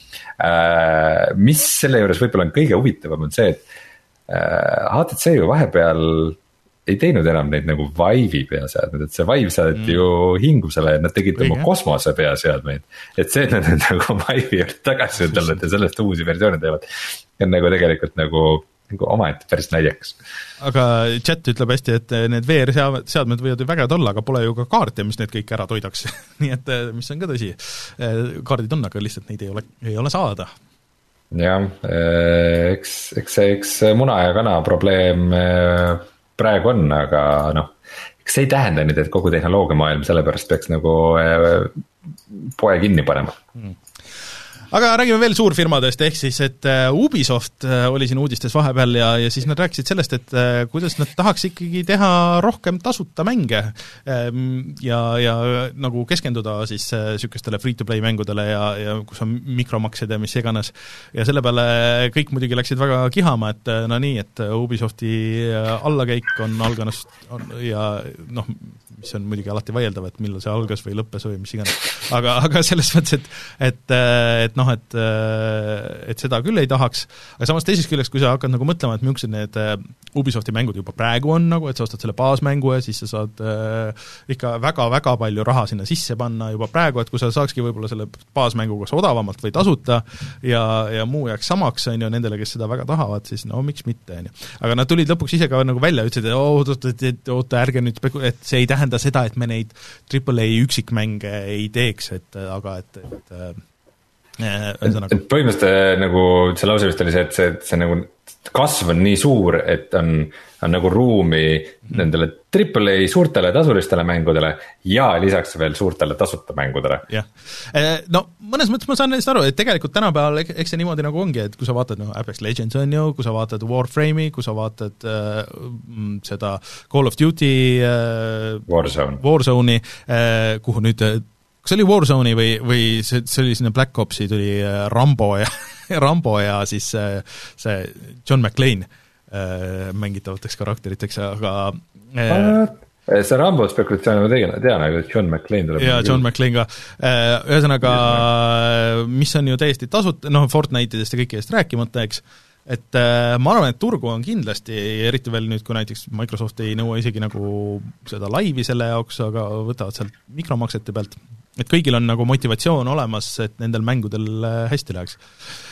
Äh, Ubisoft muidugi nagu siiamaani äh, kõik need nende tasuta asjad, noh, ma ei tea, on nagu niisugused so-so olnud, mis see, see Battle Royale oli ja, ja mingid asjad, aga sealt tuli veel ka niisugune asi, et see Skull and Bones on ikkagi arenduses ja see tuleb vist millalgi järgmine aasta, et mitte, mitte veel kohe, kindlasti mitte see aasta muidugi tuleb see vist on, see vist on praeguse aja üks neid kõige rohkem pikemalt äh, arenduses olnud mänge, et mul hetkel nagu ei meenu midagi, mis oleks nagu nii kaua õhus olnud. et natuke juba niisugune Duke Nukemi vibe nagu kipub tulema sellele mm. -hmm, aga no, eks jah, ma saan ka aru, kus, mis, kui suur see pirukas on, kuhu Ubisoft ei ole siiamaani suutnud näppe nagu taha saada, et äh, kui mina oleks Ubisoft, siis ma räägiks ka nagu, et võiks neid tasuta mänge ikka ka vaadata järjest rohkem. aga. ja need just mingid need Divisioni asjad ju eelmine nädal kuulutasid välja ka, et need ilmselt aktiivselt liiguvad selles suunas. ja Rein öeldakse, et Black Opsi jah, tulevad ja siis äh, ja need skin'id on kakskümmend euri per tegelane et kui sa tahad Rambot, siis kakskümmend. mis sa arvad, et ma hetkegi kahtlen, et ma seda John McClane'i ära ei osta või oma rahakoti pealt, et sa, aga äh, no, ei, see on ajakirjanduslik eksperiment aa, okay, okay. Ei, no ainult siis, kui sa video teed, ega muidu, muidu ei saa vaata seda esinduskulud aga, aga selles mõttes, et äh, jah äh,, õnneks või kahjuks nagu mängundus sinna läheb, aga, aga loodetavasti jah, et see ei tähenda seda, et Ubisoft muidugi neid äh, full mänge ei arenda. muidugi, kusjuures, millal see Far Cry, see alguses pidi ju mais tulema, kas see lükati nüüd edasi või? või, või see lükatigi mai lõppu, täpselt ei, ei mäleta. Far Cry kuus, ta juba väljas ei ole või? ei, väljas ei ole kindlasti. et, et äh, ma arvan, me oleks nali nüüd. Äh, kaks tuhat kakskümmend üks, ega rohkem ei teagi selle kohta.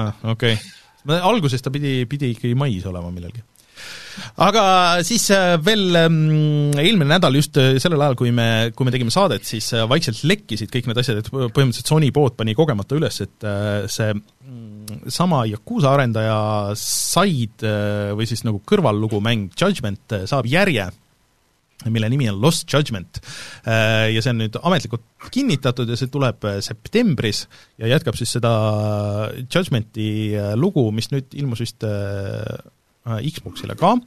Äh, ja äh, muidu ma olin nagu noh, nagu liiga väga ei olnud sellest huvitatud, aga olles nüüd Yakuusat mänginud viimast, ja olles kuulnud, et mis see mäng on, mulle tundub, et see Martinile võiks meeldida, et see nagu ühendab selle suure niisuguse Jaapani stiili story, niisuguse väikse detektiivitööga ja siis sa oled nagu päriselt nagu seal kohtus ja pead mingeid tõendeid koguma ja, ja mingeid, esitama oma case'i natuke nagu selles äh, äh, Phoenix Wrightis ja, ja niimoodi, et, et see kõlab äh, väga tuus. Äh, et kui see muidu tuli alguses äh, esimene osa siis ainult PlayStationile ja nüüd alles hiljem Xboxile, siis nüüd tuleb kohe välja ka PlayStation viie, Xbox Series asjade peale, aga ka PlayStation nelja ja Xbox One'i peale.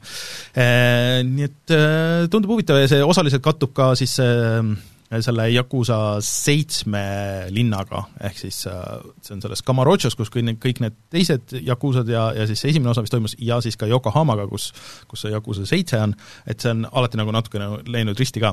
ja siis nad ütlesid ka seda, et kui muidu Yakuusa oli nagu niisugune noh, nagu brawler seeria, et see kogu see võitlus käis ikka nagu läbi niisuguse kakluse ja siis see nagu seitse või siis Like a Dragon oli nagu niisugune erand, mis oli käigupõhine RPG, siis edaspidi ka kõik Yakuusa hakkabki ikkagi käima nagu selle käigupõhise eh, mehaanika pealt, mis osadele inimestele valmistas nagu natuke pettumust, aga teisest küljest see Judgment vist kasutab ka niisugust vanakooli Yakuusa võitlustehnikat, et et midagi kõigile.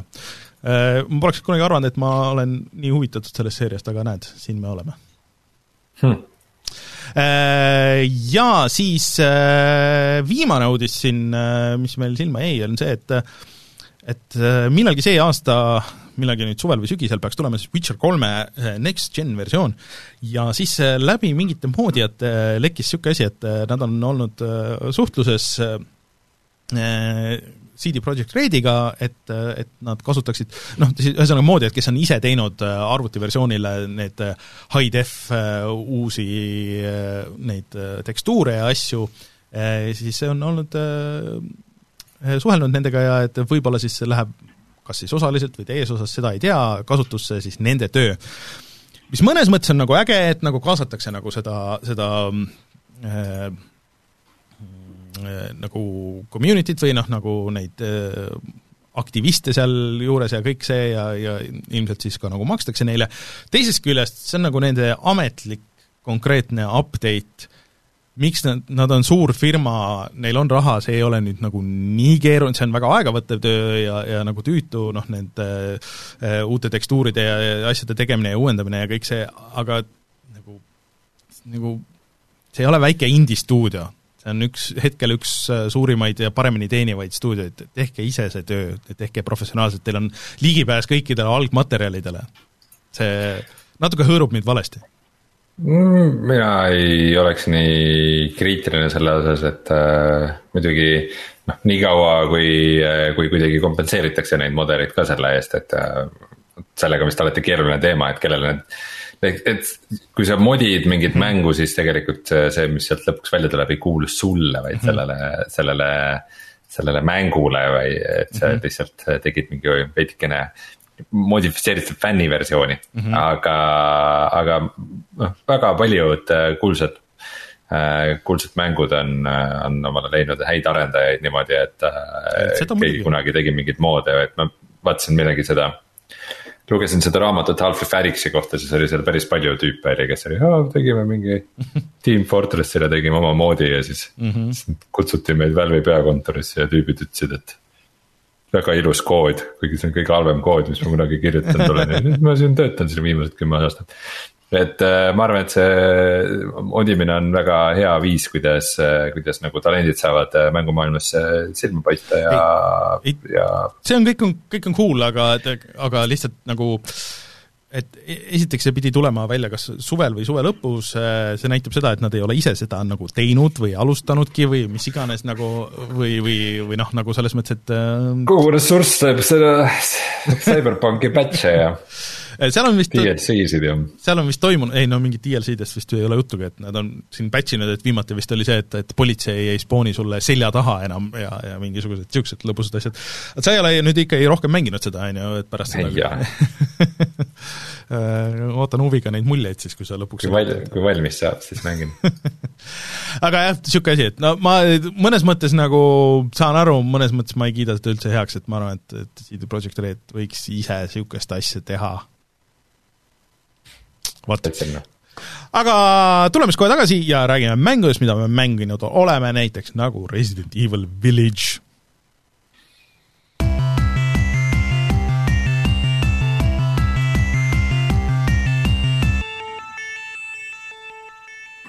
või tahtsin, Rein, Eesti mängude kuul alustada sellest Eesti mängust, millest meil video on, siis ehk siis Headbangers in Holiday Hell?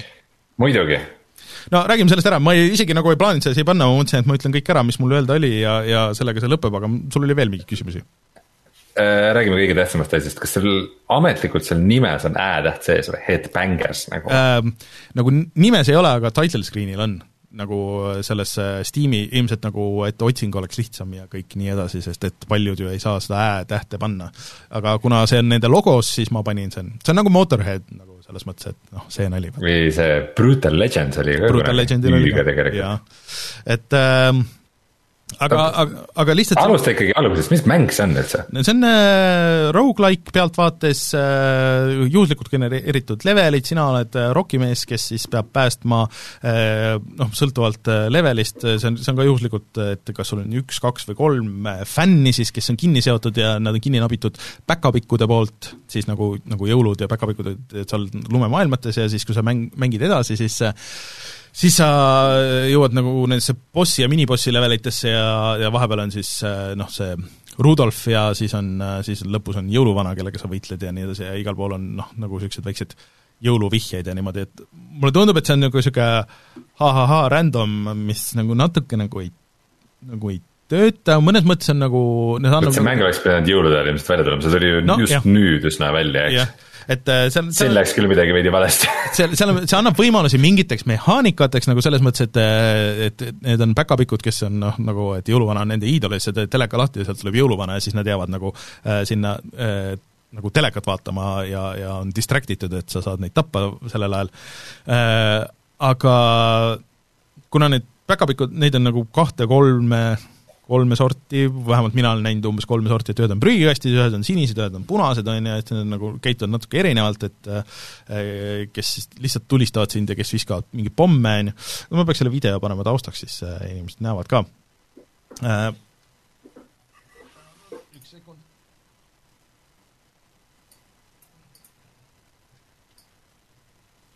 Nii, Headbanger siin, Holiday Hell, vaatame, kas näitad meie oma videot? Äh, ma just vaatan, tahtsin panna, aga ei viskagi esimesena, ikkagi täitsa inimesed on nagu mänginud seda siin äh, äh väga huvitav Youtube'ist, et, et ta ei anna meie enda.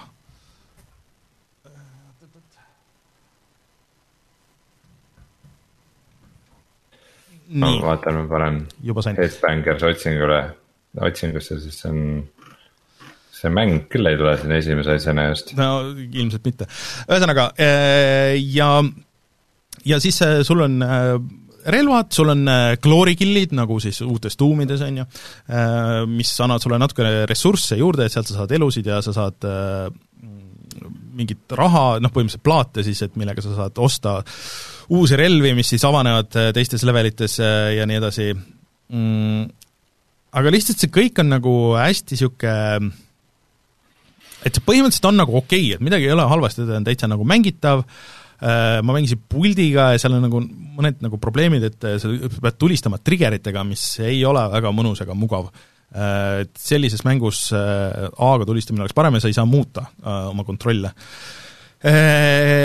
ja hästi korduvaks läks äh, selles suhtes, et jah, ma saan aru, et see on nagu nende mm, rogu-like'ide nagu teema, aga ikkagi nagu see must on alati seesama ja need levelite ülesehitused on ka nagu noh, erinevad, aga väga sarnased äh, ja noh, nagu natuke rohkem oleks vaja seal, et, et ta on nagu heal teel, aga tal oleks vaja midagi nagu veel seal. et ähm, ma ei tea, küsi mult, ma ei oska, ma ei oska sellest nagu rohkem rääkida, et et ta ei ole nagu väga lihtne ja samas ta ei ole ka nagu, mulle tundub, et kui ma paneks mingi tunni või paar sinna veel, siis, siis selle saaks selle ikkagi nagu läbi tehtud, aga aga ma ei, nagu ei, ei tundnud seda vajadust jääda seda mängima. kas muss meeldib? Läks nagu, see nagu põhikäik on nagu päris okei okay,, aga aga ta on see üks sama lihtsalt kogu aeg. et ja sa mängid neid ühte, noh, neid esimesi leveleid ikkagi nagu korduvalt äh,, Äh, ja kui sul kordagi see must nagu seal ei muutu, siis, siis see hakkab ikka nagu pigem närvidele käima. kas see on hea mäng, mida mängida, kui sa paned selle mussi kinni ja mängid mingit ähm, oma heavy metal'i playlist'i? no võib-olla küll, aga natuke kuidagi see jõuluteema nagu, nagu natuke teeb selle veidraks et, et see, kas see on parim mäng, mille taustal äh, mängida, tähendab, parim mäng, mille taustal kuulata jõulumetalit? Äh, jõulumetall, see, ma tean, et see on eraldi žanr kusjuures, aga, aga lihtsalt ilmselt küll, jah. aga, aga ta on nagu, ta on kahe, kaheksakümmend protsenti seal, nagu ma selles ka videos ütlesin, aga lihtsalt see, see puuduolev kakskümmend protsenti on see, mis on see kõige raskem ja võtab äh, sama palju aega kui see ülejäänud kaheksakümmend protsenti, kui mitte rohkem, et et lihvida see nagu niisuguseks mänguks, mida oleks noh, sest, sest et vaata neid rogu-like'e, eriti niisugusest pealtvaates, neid on ka nagu tänapäeval nagu nii palju, et sul on, sul on see turg on nii suur, millega sa võistled ja, ja noh, et niisuguse enam-vähem okeiga sa nagu ei, minu meelest ei löö seal läbi kahjuks see, külastame seda mängu siis äh, uuesti oma jõulu erisaates, äh, juhul kui ta vahepeal on häid update'e saanud. No ta sai, ta sai küll just ju, et äh, nagu vahetult enne, kui me seda videot tegime, siis äh, oli tulnud patch äh,, mis lisas ja muutis mingeid asju, aga, aga noh, mitte midagi niisugust, mida ma oleks nüüd kohe nagu märganud väga, et et äh, minge vaadake videot, minge wishlist'ige see kindlasti, neil on siis rohkem motivatsiooni seda teha, ta maksis ka vist kuueka, et ta kindlasti ei ole kallis. aga noh, näiteks niisugune asi, et kuidas mul siin, siin silmade ees praegu, et kuidas sa jõuad leveli lõppu, et leveli lõpp on lihtsalt mingisugune, mingi lipp, on ju ja siis äh, mitte midagi ei juhtu, et sul ei ole, sa ei võta kitarri välja ja sa ei mängi ägedat soolot seal lõpus, aga lihtsalt nagu fade ib musta kõik ja nagu mängumaailm läheb edasi, ehk siis sul on võimalus ka, kui sa oled leveli lõpetanud, sa võid nagu nendest päkapikkude kuulidest nagu surma saada ja siis see on nagu niisugune hästi nagu niisugune sloppy mulje jääb nagu niisugustest asjadest, et see on kindlasti põhjus. jah, et, et, et niisugust punch'i oleks nagu vaja siin ja seal rohkem ja siis, siis see töötaks paremini, et ja, ja no võib-olla see oleks äge, kui see jõul oleks nagu üks nendest levelitest äh, ja edasi oleks kõik teised, et see oleks, äh, mis siis on, emadepäev võiks olla ja siis äh, munadepühad ja, ja siis lastekaitsepäev ja ja ma ei tea, mis, mis veel on päevi, mida võiks, jaanipäev võib-olla oleks, oleks niisugune rohkem niisugune heavy metal rohkem kui, kui teised, et aga, aga võidupüha paraad ei see on libe tee, kuhu minna. aga, aga jah, et ja noh, nagu natuke mul siin seal videos on hästi näha, et kuidas on e-, ebaselge, et kus, kus see nagu see leveli lõpp nagu täpselt on, kohati sa nagu ei näe, sest et see ikoon on täpselt sama värvi, mis ja sama suur kui need päkapikud, on ju et äh, mingeid niisuguseid väikseid asju on nagu palju, mis lõpuks, mis ei ole, eraldi võttes ei ole ükski nagu suur, aga, aga siis, kui sa kõik need paned kokku, siis äh, noh, kohe ei taha minna sinna tagasi okei okay,, saime vist pildi selgeks, äh, aga tore, et sa proovisid mingit Eesti mängu ja saad mm. vähemalt öelda, et sa oled mänginud Eesti, Eesti Olen. mängu äh,. aga äh, ma räägin kohe Resident Evil'i siis ka jutu siia ära. Resident Evil kaheksa ehk siis Resident Evil Village ja kui palju sa oled mänginud seda? ma olen mänginud, ma ei tea, mingi kolm-neli tundi võib-olla või midagi niisugust, et äh, ma olen nüüd noh, üks bossi võitlus on ära olnud ja siis mingid äh, noh, ma olen sealt esimesest külast olen nagu läbi jäänud, ma olen selles, selles lossis, kus on see legendaarne pikk vampiiridaam ja, ja temaga suhelnud ja ja seal, ühesõnaga üksjagu on toimunud. ja ma võin öelda, et mulle tegelikult väga meeldib see kõik, mis ta teeb äh,, mulle meeldib see mängitavus, eriti siis nendel hetkel noh, nagu Resident Evil seitse, seitsme puhul, et kui sa ei tulista, et kui sa nagu uurid seda oma keskkonda ja üritad lahendada neid puslesid ja võib-olla nagu siis noh, pead tegelema mõne pahalasega siin või seal, aga, aga peamiselt on nagu äge uurida just neid, neid keskkondi, kuhu sind visatakse, et alguses on kohe see see küla, kuhu sa satud ja kuhu sa vist pärast lähed tagasi ja siis, siis see suurem nagu loss ja ma saan aru, et siin läheb veel edasi, on paar tükki. et see kõik on väga tuus. Story on selles suhtes huvitav, et et ta on nagu huvitav ja samas nagu maks loll ja põhimõtteliselt see tegelane on lihtsalt maksimaalselt, see Ethan on ikka lihtsalt totaalne jobu nagu see on sama Ethan, kes oli seitsmendas. just, ja siis ta ei saa nagu mitte millestki aru ja teeb kõiki asju nagu risti vastupidi, mida ükski normaalne inimene teeks ah,. kohe alguses ma pean ütlema, et see on kõige paremini renderdatud 3D beebi, mis äh, saab olla, ma peakski võib-olla selle video nagu natuke siit edasi kerima, see on nagu, see on küll kohe alguses, aga, aga see on nagu niisugune spoiler, mida, mida võib-olla on huvitavam ise vaadata. Äh, ja siin on palju vihjeid ka, rohkem vihjeid äh, vanadele Resident Evilitele kohe alguses, kui seitsmes oli, et äh, Chris Redfield on ju tegelikult selle, selle põhikaanepildi peal ja ta kohe alguses tuleb nagu läbi ka, et selles seitsmendas siis väike spoiler, et ta tuli nagu pigem seal lõpus, ja see mäng lihtsalt seda on väga palju räägitud, et lihtsalt vihkab su käsi, see Ethani käed saavad kogu aeg viga, küll neid hammustatakse, küll nendest pannakse orad läbi, küll ma ei tea, lõigatakse ja tulistatakse ja kõiki asju tehakse, et see on, et kuidas näitada FPS mängus nagu seda, et kuidas saab viga, et, et ikka nagu vigastad käsi, mis on päris võigas nagu kohati äh,. Aga ja mulle meeldib, kuidas ta välja näeb, et see RE mootor, nüüd ma mängin Xbox äh, Series X-i peal siis seda ja, ja seal on alguses valik siis, et kas rate tracing on või off. Äh,, ma panin selle peale, ma vaatasin need Digital Foundry videod ka ära, et et ta ikkagi hoiab seda kuutekümmet äh, päris äh, okeilt, äh, vahepeal kukub seal mõne kaadrit siia-sinna, aga minu teleka see VRR ehk siis mis äh, variable frame rate, mis hoiab seda, seda süngis, et põhimõtteliselt seda nagu ei märkagi, et, et minu jaoks oli täitsa üllatus, et seal midagi kukub, aga variable vist... refresh rate tegelikult. Jah, ühesõnaga, et oli nagu üllatus, et seal midagi nagu üldse kukub või noh, et nagu silma, silmaga põhimõtteliselt ei ole aru saada. Ja noh, mingid keskkonnad seal lossis, et need näevad ikka ikka hullult ägedad välja. Äh, mis ei näe nii ägedad välja, on nagu kohati need äh, inimtegelased ja isegi need, et sa võitled seal ka nende mingi äh, nende libahuntidega, nende näod on ikka kuidagi ikka, ikka päris lollid ja see noh, maailm on nagu niisugune, et, et sa võib-olla võiksid saada nagu interakteeruda nagu nende asjadega nagu rohkem, et, et sul on ainult need märgistatud asjad ja siis neid sa saad puruks lüüa, aga noh, selles mõttes, et see on Resident Evil'i mäng, et see nagu et sa ei peagi võib, võib-olla kõiki neid asju saama. aga ühesõnaga jah, mulle siiamaani nagu pigem nagu väga meeldib, see tempo on väga hea olnud, need tegelased on nagu selles mõttes ägedad olnud, kuigi nagu lollid või noh, nagu selles mõttes, et aga vähemalt on naljakad äh,, aga, aga põhiasi, mis on nagu eriti äge, on ikkagi nagu see maailm ja selle, selle avastamine. et see, see mulle eriti on läinud korda.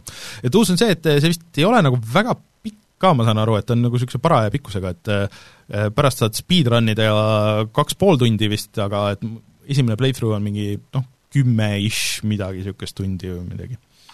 et, äh, et jah, äh, mulle siiamaani kõik, kõik meeldib, mis ma mänginud olen kurat, ma läksin jälle tagurpidi, sorry. no see siia sobib, siin on vampiirid ja asjad, aga noh, sa õnneks ei ole ka ekraanil praegu. Äh,. Aga jah, on sul küsida midagi selle kohta, mina, mina julgen seda praegu kindlasti soovitada, ma isegi ütleks, ma läheks nii kaugele, et ma julgeks selle värskesse kulda panna.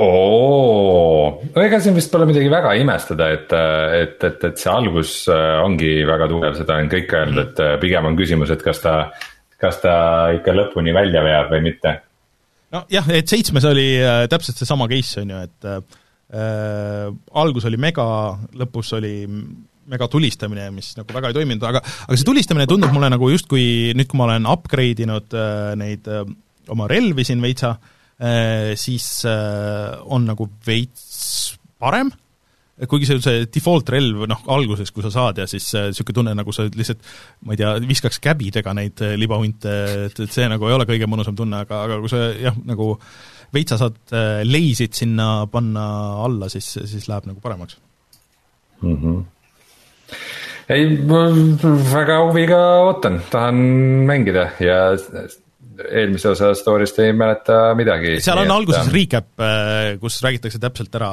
mis, mis toimus. Äh, mul ka ei olnud meeles, aga, aga selles mõttes on. aga kuidas see recap kohtleb seda, et seitsmendas sa pidid valiku tegema, et mis, mis ei, naise sa päästad? Äh, ei, see ei, ei tule isegi teemaks, et seal on see, et noh, hakkab nagu konkreetselt sellega, et kuidas sa oled oma naisega koos ja te olete kolinud äh, Ida-Euroopasse. seesama Ethan, sellesama naisega? Et äh, ühesõnaga, aga okei okay.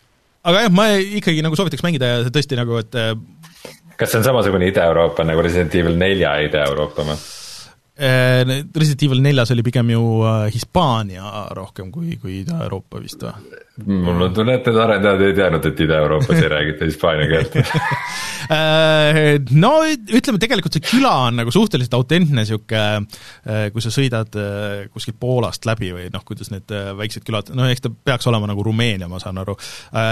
Natuke häirib muidugi see, et eks kõik räägivad inglise keeles ja, ja nii edasi, isegi ilma mingi pingutamata aktsendita nagu, et äh, võib-olla see on nagu hea, aga see kohati on nagu natsa, natsa võõras, et äh, kõik saavad Ethanist aru kohe ja kellelgi ei ole mingit küsimust, et kes sa oled ja või miks, miks sa siin oled, nagu selles mõttes.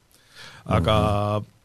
aga jah, ta on nagu fun, loll, vaata niisugune action õudusfilm nagu, et, et siit mingit nagu, mingit jõhkrat sügavat meistriteost ei maksa oodata, aga, aga need pusled on olnud ägedad ja, ja tulistamine on parem kui seitsmes ja et ma arvan, et rohkem ei olegi võib-olla vaja midagi. Et ta, aga ma, ma ei saaks öelda küll, et ta nüüd mingi mega õudne oleks väga hetkel, et ta on nagu niisugune nagu natsa creepy on küll see loss ja kõik need asjad, et sa kogu aeg kuuled, eriti kui klappidega mängid, et, et äh, noh, mingid hääled on igal pool ja, ja sind nagu jälitatakse rohkem, aga aga ma olen saanud aru, et jah, seal sõltuvalt mis osas sa mängus oled, et, et siis ongi seda, et sind aetakse taga nagu selles kahe remake'is ja, ja kõik need asjad, et et vaatame, kuidas see töötab. Nii, vaatame, mhm. vaatame korra, mis chatil on äh, mingid, mingid küsimused ma ütleks, et mõistetusi on vähe ja need on liiga kerged, et no,, et muidu ikka Resident Evil seerias noh, mingeid mõistetusi on olnud. et no. selles mõttes, äh, kui nagu viimase aja mängudest Resident Evil kaks just nagu malliks tuua, siis Resident Evil kaks oli ikkagi suhteliselt raske ja. või vähemalt suutis jätta muljet, et ta on raske. ja selle veel raskema raskusastme peale oli algus ikka väga rõvedalt raske, aga edasi läks lihtsamaks jah, aga see on nagu natuke, ta on ikka nagu teistsugune mäng nagu üleüldse kui Resident Evil kahe remake, et äh, see Resident Evil Village on nagu noh, ja see seitse oli ka, et, et nad on juba eos üles ehitatud nagu teistmoodi, et, et nad ei ole päris niisugused äh, mm. -hmm. Et nagu selle eeldusega sisse minna, et ma ei kujuta ette, noh, kui, et mina mängin normaliga, et kui nagu see haardi peale panna, et kui palju raskem või kergem ta siis on, aga, aga ma ütleks, et praegu mul väga raske oleks olnud, aga nagu liiga väga kerge ka ei ole, et ma tunnen, et on nagu seda challenge'it täpselt nii palju, kui mul hetkel vaja on mm. -hmm. ja tal vist on adaptiivne eh, ka see, see raskus, et eh, kui sa mängid paremini, vähemalt normali peal, siis, eh, siis ta läheb raskemaks, kui sa mängid halvemini, siis sul võib-olla antakse midagi andeks, nii et ma ei tea Digital Foundry natukene tehniliselt ka analüüsis äh, Resident Evil äh, Village'it siis ja nende järeldus oli see, et kuigi konsoolidel on ta tehniliselt väga muljetavaldav mm, -hmm. siis see PC versioon võiks natukene parem olla. seal on jah mingid loodaks, loodaks, et seda patch itakse veel seal on mingid asjad just, et seotud selle ray tracing uga, mis ei ole väga hästi implementeeritud ja mingid anti-aliased ja mingid niisugused asjad, ma vaatasin selle ka ära, et mis on nagu imelik, arvestades, et see konsooli versioon nii hea on, aga samas neil on ikkagi nagu hästi läinud sellega, et seda müüdi, ma ei tea, paari päevaga ma ei tea, mingi kolm miljonit või midagi niisugust, et see on iga, igatpidi ületanud nende kõik ootused, ma saan aru. et äh, jah, mina soovitan kindlasti, aga et, et natuke pead teadma, millesse sa lähed, et see on rohkem nagu need tänapäevased niisugused äh, spookid äh, mängud kui, kui niisugune väga nagu täishorror, noh, ma ei tea, et ähm, Resident Evil on alati sihuke veidike mm -hmm. märulilik rohkem olnud kui selline väga psühholoogiline. et pigem see seitse oli nagu veidikene nihuke teistsugune, et ta läks võib-olla sinna horror'isse rohkem, aga. eks, eks, eks, eks oma DNA-lt on ta ikkagi Resident mm -hmm. Evil'i mäng aga mina mängisin sellist äh, indie-mängu nagu Among Trees Hmm. Et äh, eelmise aasta lõpupoole, äkki kuskil septembris äh, tuli early access'i Epic'u poodi selline mäng äh, ja öeldi paljuski, et oo, et on, tundub nagu mingis mõttes sihuke, sihuke nagu edasiarendus või, või nagu vaimne äh, järg äh, sellele The Long Dark'ile Hmm. Et äh, ka selline pastellsete värvidega selline ellujäämismäng kusagil metsas mm. -hmm. ja Among Trees näeb väga ilus välja, ta on sihuke mm, väga kunstilise paletiga, et need puud on siuksed sinakas mm, oranžid ja seal tekivad siuksed ilusad nagu vibrantsed äh, värvikombinatsioonid ja sihuke. Firewatchi natuke meenutab võib-olla või midagi siukest. jah, noh, Firewatch on võib-olla veidi multik, ei tead, samas Among Trees on ka sihuke veidikene nihuke low poly või sihuke cell shaded stiil äh,, aga. aga jah, et tegu peaks olema siis ellujäämismänguga ja ta on nüüd üle poole aasta väljas, aga siiamaani early access'is, mõtlesin, et nüüd ta on äkki juba piisavalt küpsenud, et äh, proovin ära mm. -hmm. Äh, maksab päris vähe, umbes äkki kaksteist eurot mm. -hmm. ja imelik muidugi alati Epic'u poes maksta nagu sisse, Epic'u poes maksab mängu eest. aga ikkagi ostsin ära ja mm, põhimõtteliselt see ülesehitus on siis selline, et, äh, et sul on nihuke, alguses on sihuke hüti varemekesed äh, ja sa kogud ressursse ja sa seda hütti muudkui nagu ehitad suuremaks, et alguses ehitad mingisuguse crafting ruumi sinna juurde ja siis ehitad mingi äh, Mm, köögi põhimõtteliselt, kus sa saad omale nagu süüa teha ja, ja küpsetada mingeid seeni ja taimi, mida sa leiad. ja siis hiljem äh, teed sinna veel mingeid kasvuhoonesid ja asju juurde, kus sa saad kasvatada taimi. ja mm, põhimõtteliselt sa siis käid seal ümbruskonnas ringi, sa pead muretsema selle pärast, et äh, sul ei oleks nälga. et mm., et, et, et, et sul et sa kuskil põõsas magama ei jää, et sa ikkagi ööseks jõuad koju tagasi. Äh, ja et äh, külm ei hakkaks, mingites olukordades võib see juhtuda. ja mm, kohe mängu alguses, see on päris naljakas, et äh, kohe alguses, kui sa alustad uut mängu, siis sa saad valida kahe mängulaadi vahel mm, -hmm. et üks on nagu survival ja teine on zen et sa saad nagu niisama seal metsas Aha. kõndida ja nautida seda värve ja mm -hmm. helisid ja lihtsalt oled seal zen mm.. ja siis, kui ma valisin selle survival mängulaadi, siis et noh, ma tahan ikkagi survival mängu mängida. siis on kolm raskusastet, et äh, kus esimene on see, et noh, põhimõtteliselt nagu midagi ei juhtu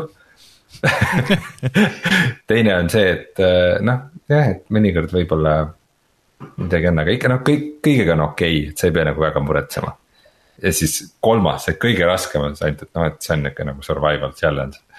mis kohe nagu tekitab tunde, et noh, kurat, et kui on nagu kaks mängulaadi, et üks on zen ja teine on mitte zen ja siis sellest mitte zenist on ka kaks raskusest on ikka suht zenid, et nagu, et. kas see on ikka nagu survival mäng üldse või see ongi mingi zen mäng?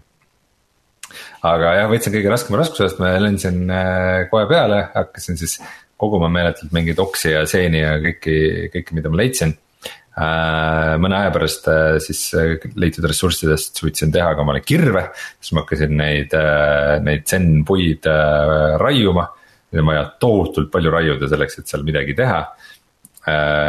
ja jooksin ringi ja mm, põhimõtteliselt ma ei kohanud muud ohtu kui see, et, et noh, kõht saab tühjaks ja paar korda ma nägin karu mm.. et, et karu ees saab nagu peita ennast pikas rohus, mida ma tegin mis ei mõjunud karu nägi mind täpselt sama hästi, kui ma olin pikas roos. Äh, et võib-olla seda stealth'i süsteemi pole veel sisse pandud. Äh, ja kui karu mind nägi, siis ta jooksis minu juurde, virutas mulle käpaga, mille, mille peale sain ära joosta, aga siis ma veritsesin ja lõpuks, kuna mul mingi midagi nagu selle veritsemise vastu teha ei olnud, siis ma lõpuks veritsesin surnuks mm.. aga, aga karude juures mäng ütleb ka, et karude juures on sageli mingisugused huvitavad mingid retseptid või mingid loot'i, et mingid. leidsin mingi, et sealt saab või leida mingisuguse retsepti, et kuidas teha mingit. oota, aga kuidas surm on? luku, luku muukimist. mis, mis see surm tähendab nagu selles mängus? surm tähendas seda, et et nagu isegi mingit fade to black'i ei olnud niimoodi klõps tuli ette ekraan, et äh, sa oled surnud. Mm.. siis sa saad viimase save'i võtta, et seal majas saab save ida ka okay, muidu. okay., selle peab nagu manuaalselt tegema. Okay.. või noh, manuaalselt selles mõttes, et sa pead ühe, ühe raamatu peale vajutama ja siis tekib nagu auto save. ja kui ma seda nüüd siin niimoodi tunnikese või niimoodi mängisin, siis, siis ma jõudsin üsna kiiresti aru saama, et vist rohkem ei viitsi seda mängida. Et, äh, et The Long Dark nagu ellujäämismänguna väga köitis mind ja haaras ja, ja ma võrdlesin, et mis Monk Freeze'i juures nagu mind ei haaranud, siis ma arvan, et, et nagu üks asi kindlasti on level disain mm.. et noh, et seal on küll mõned mingid veidi teistsugused kohad ja jõed ja isegi mingi koopa leidsin, aga. aga põhimõtteliselt on ikkagi nihuke väga ühtlane ja korduv mets ikkagi väga suures osas, mis mm sa nagu kõnnid seal ja kogud mingeid asju, mida sa leiad ja noh, mõnes kohas on mingid erilised taimed, aga ta on nihuke. nihuke hästi ühtlane ja mitte midagi ütlev, et, et sul ei ole nagu väga palju mingeid nihukeseid visuaalseid äh,. Äh, tähiseid, mida, millest nagu kinni võtta ja mille järgi ennast orienteeruda ja. igas kohas, kus sa oled, sa alati näed seda maja ikooni, et selle järgi saad maja juurde tagasi minna, mis on nagu ka suht igav aga noh, sa saad muidugi mängus teha mingi kompassi ja kaardi ka, aga mm., aga see, see nagu, seal nagu maastikul ringina või keerumine oli nagu suhteliselt igav ja see, see nagu uute asjade avamine ja craft imine tundus ka sihuke üsna nüri grind, et. et tundub, et üks mäng, mille flow'ga ei ole nagu väga palju mm. tööd tehtud, et üks hetk saad nagu järsku kümme asja korraga ja siis läheb ilgelt kaua, enne kui sa midagi muud saad, et. kuidagi sihuke veider, et ma ei tea, kui, kui kunagi ta Early Access'ist välja tuleb ja seda väga kiidetakse, siis, siis võiks ju proovida. aga ma arvan, et praegu ellujäämismäng, millele, mille ma järgmiseks ette võtaks peale, peale siis võib-olla Resident Evil'i läbimängimist on see Subnautica Below Zero mm., mis on saanud päris häid hindeid, et kõik ütlevad, et. et noh, et mitte nii hea kui see originaal päris, aga ikka nagu päris lähedale ma, ma olen terve see aeg, mis sa oled rääkinud, ma olen vaadanud mingit videot sellest, mis on küll eelmisest aastast, aga, aga mulle just tundub, et see aur võib-olla on läinud sinna visuaali ja animatsioonidesse ja sellesse UI ja tundubki niisugune natuke liiga artsy mäng, et, et aga väga see... ilus, aga, aga see sisu on ikka seal taga veidi vähe. vot ongi, et, et et, et tavaliselt see on nagu vastupidi nende survival mängudega, et mida ma olen mitte ise mänginud, aga sin-, sinu juttude kõrvalt olen põhimõtteliselt vaadanud, siis mulle alati tundub, et see on kindlasti võib-olla mängida väga tore, et lihtsalt see näeb nagu nii kole ja rohv nagu välja, et aga, aga siin vist on nagu natuke vastupidi ei, selles mõttes Long Darki visuaalne stiil on ka tegelikult no, jah. Äh, väga kena ja Subnautica on ka väga ilus mäng ja Don't no, Starve on üliägeda visuaalse stiiliga, et, ilusaid survival mänge on olemas küll. No jaa, aga ma räägin just, kuidagi, kuidagi just need 3D nagu siuksed, et paljud nagu nendest kipuvad olema siuksed nagu natuke rough, aga nii. aga jah, ühesõnaga siis värskesse kulda see mäng ei jõua veel seekord, jah ei jõua kahjuks jah. Äh, ja värskest kullast rääkides, siis äh, kuna Martinit ei ole, siis me see nädal ja teine me pidime tegema valimise äh, rahvakullast siis, et, et rahvale andma valida Eesti mängude kuu puhul parim Eesti mäng, aga aga me see nädal seda ei teinud, et me jätame selle loodetavasti siis järgmisesse nädalasse, kui Martin on ja Martinil oli teine plaan ka, et küsida, et mis on parim konsool, aga, aga siis teeme selle ka siis, kui, kui Martin on olemas ja kui keegi mõtleb, et nüüd järgmiseks nädalaks, mis Eesti mängu mängida või proovida, siis sihuke veebisait on nagu shipped.ee. nagu shipped on nagu noh, need asjad, need mängud, mis on ship itud, nagu shipped. ja seal on nimekiri siis kas Eestis tehtud või eestlaste kaasabil kuidagi valminud äh, mängudest jah, siin on kõik, on, meil on, meil on päris paljudest on äh, on videod siin tehtud, et äh, ma ütleks, et äh, ainukesed, millest võib-olla ei ole, on äh, see Razerwire Nanovars, Heavy Gold Skyfront VR-ist meil ei ole veel, mängitakse seda üldse? Tribocalypse, Good Robot, no ühesõnaga need vanemad siis, ühesõnaga, mis on nagu äh, tehtud rohkem kui neli aastat tagasi võib-olla või midagi niisugust, et teistest siin äh, lõpus on, on põhimõtteliselt kõigist. Et äh, minge sealt vaadake, kui tahate mõelda, mis, mis mänge Eestis on välja antud. Aga me tuleme kohe tagasi ja siis vaatame, mis on sellel nädalal odav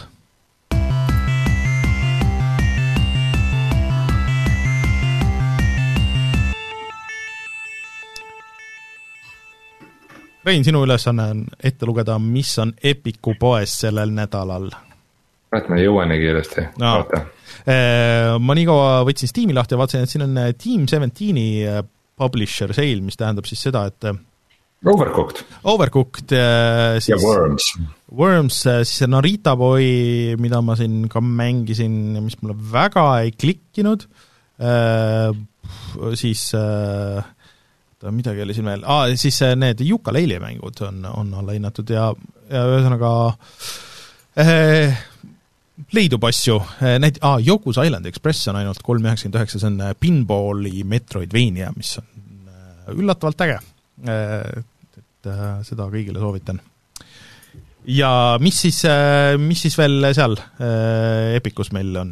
Epicu poes on sellel nädalal tasuta selline mäng nagu The Lion's Song mis on siukse äh, ajastumäng Austraalias äh, raskustes äh, kunstnikest ja muudest mm. äh, loomulikust inimestest, matemaatikutest. Mm.. Äh, Kaubert kindlasti teab sellest mängust rohkem kui mina. Ja, ja järgmine nädal on, on mystery game.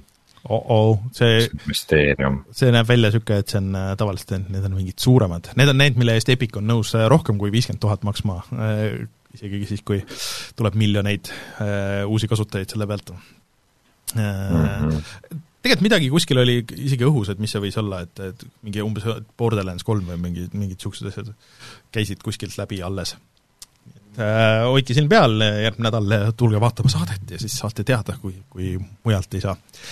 Äh, vot, kutsume saate saateks, Rein. Äh, aitäh Jaanusele, kes käis ja minge vaadake siis äh, Steamist Plastronauti lehekülge ja siis proovige seda demo või siis proovige Itšiast, ei pea isegi midagi alla tõmbama, saate aknast, brauseri aknas jooksutada, see on päris äge, et see nagu mängumootor võimaldab nagu niisugust asja, et võib lihtsalt panna otse brauseri aknasse ja, ja läheb.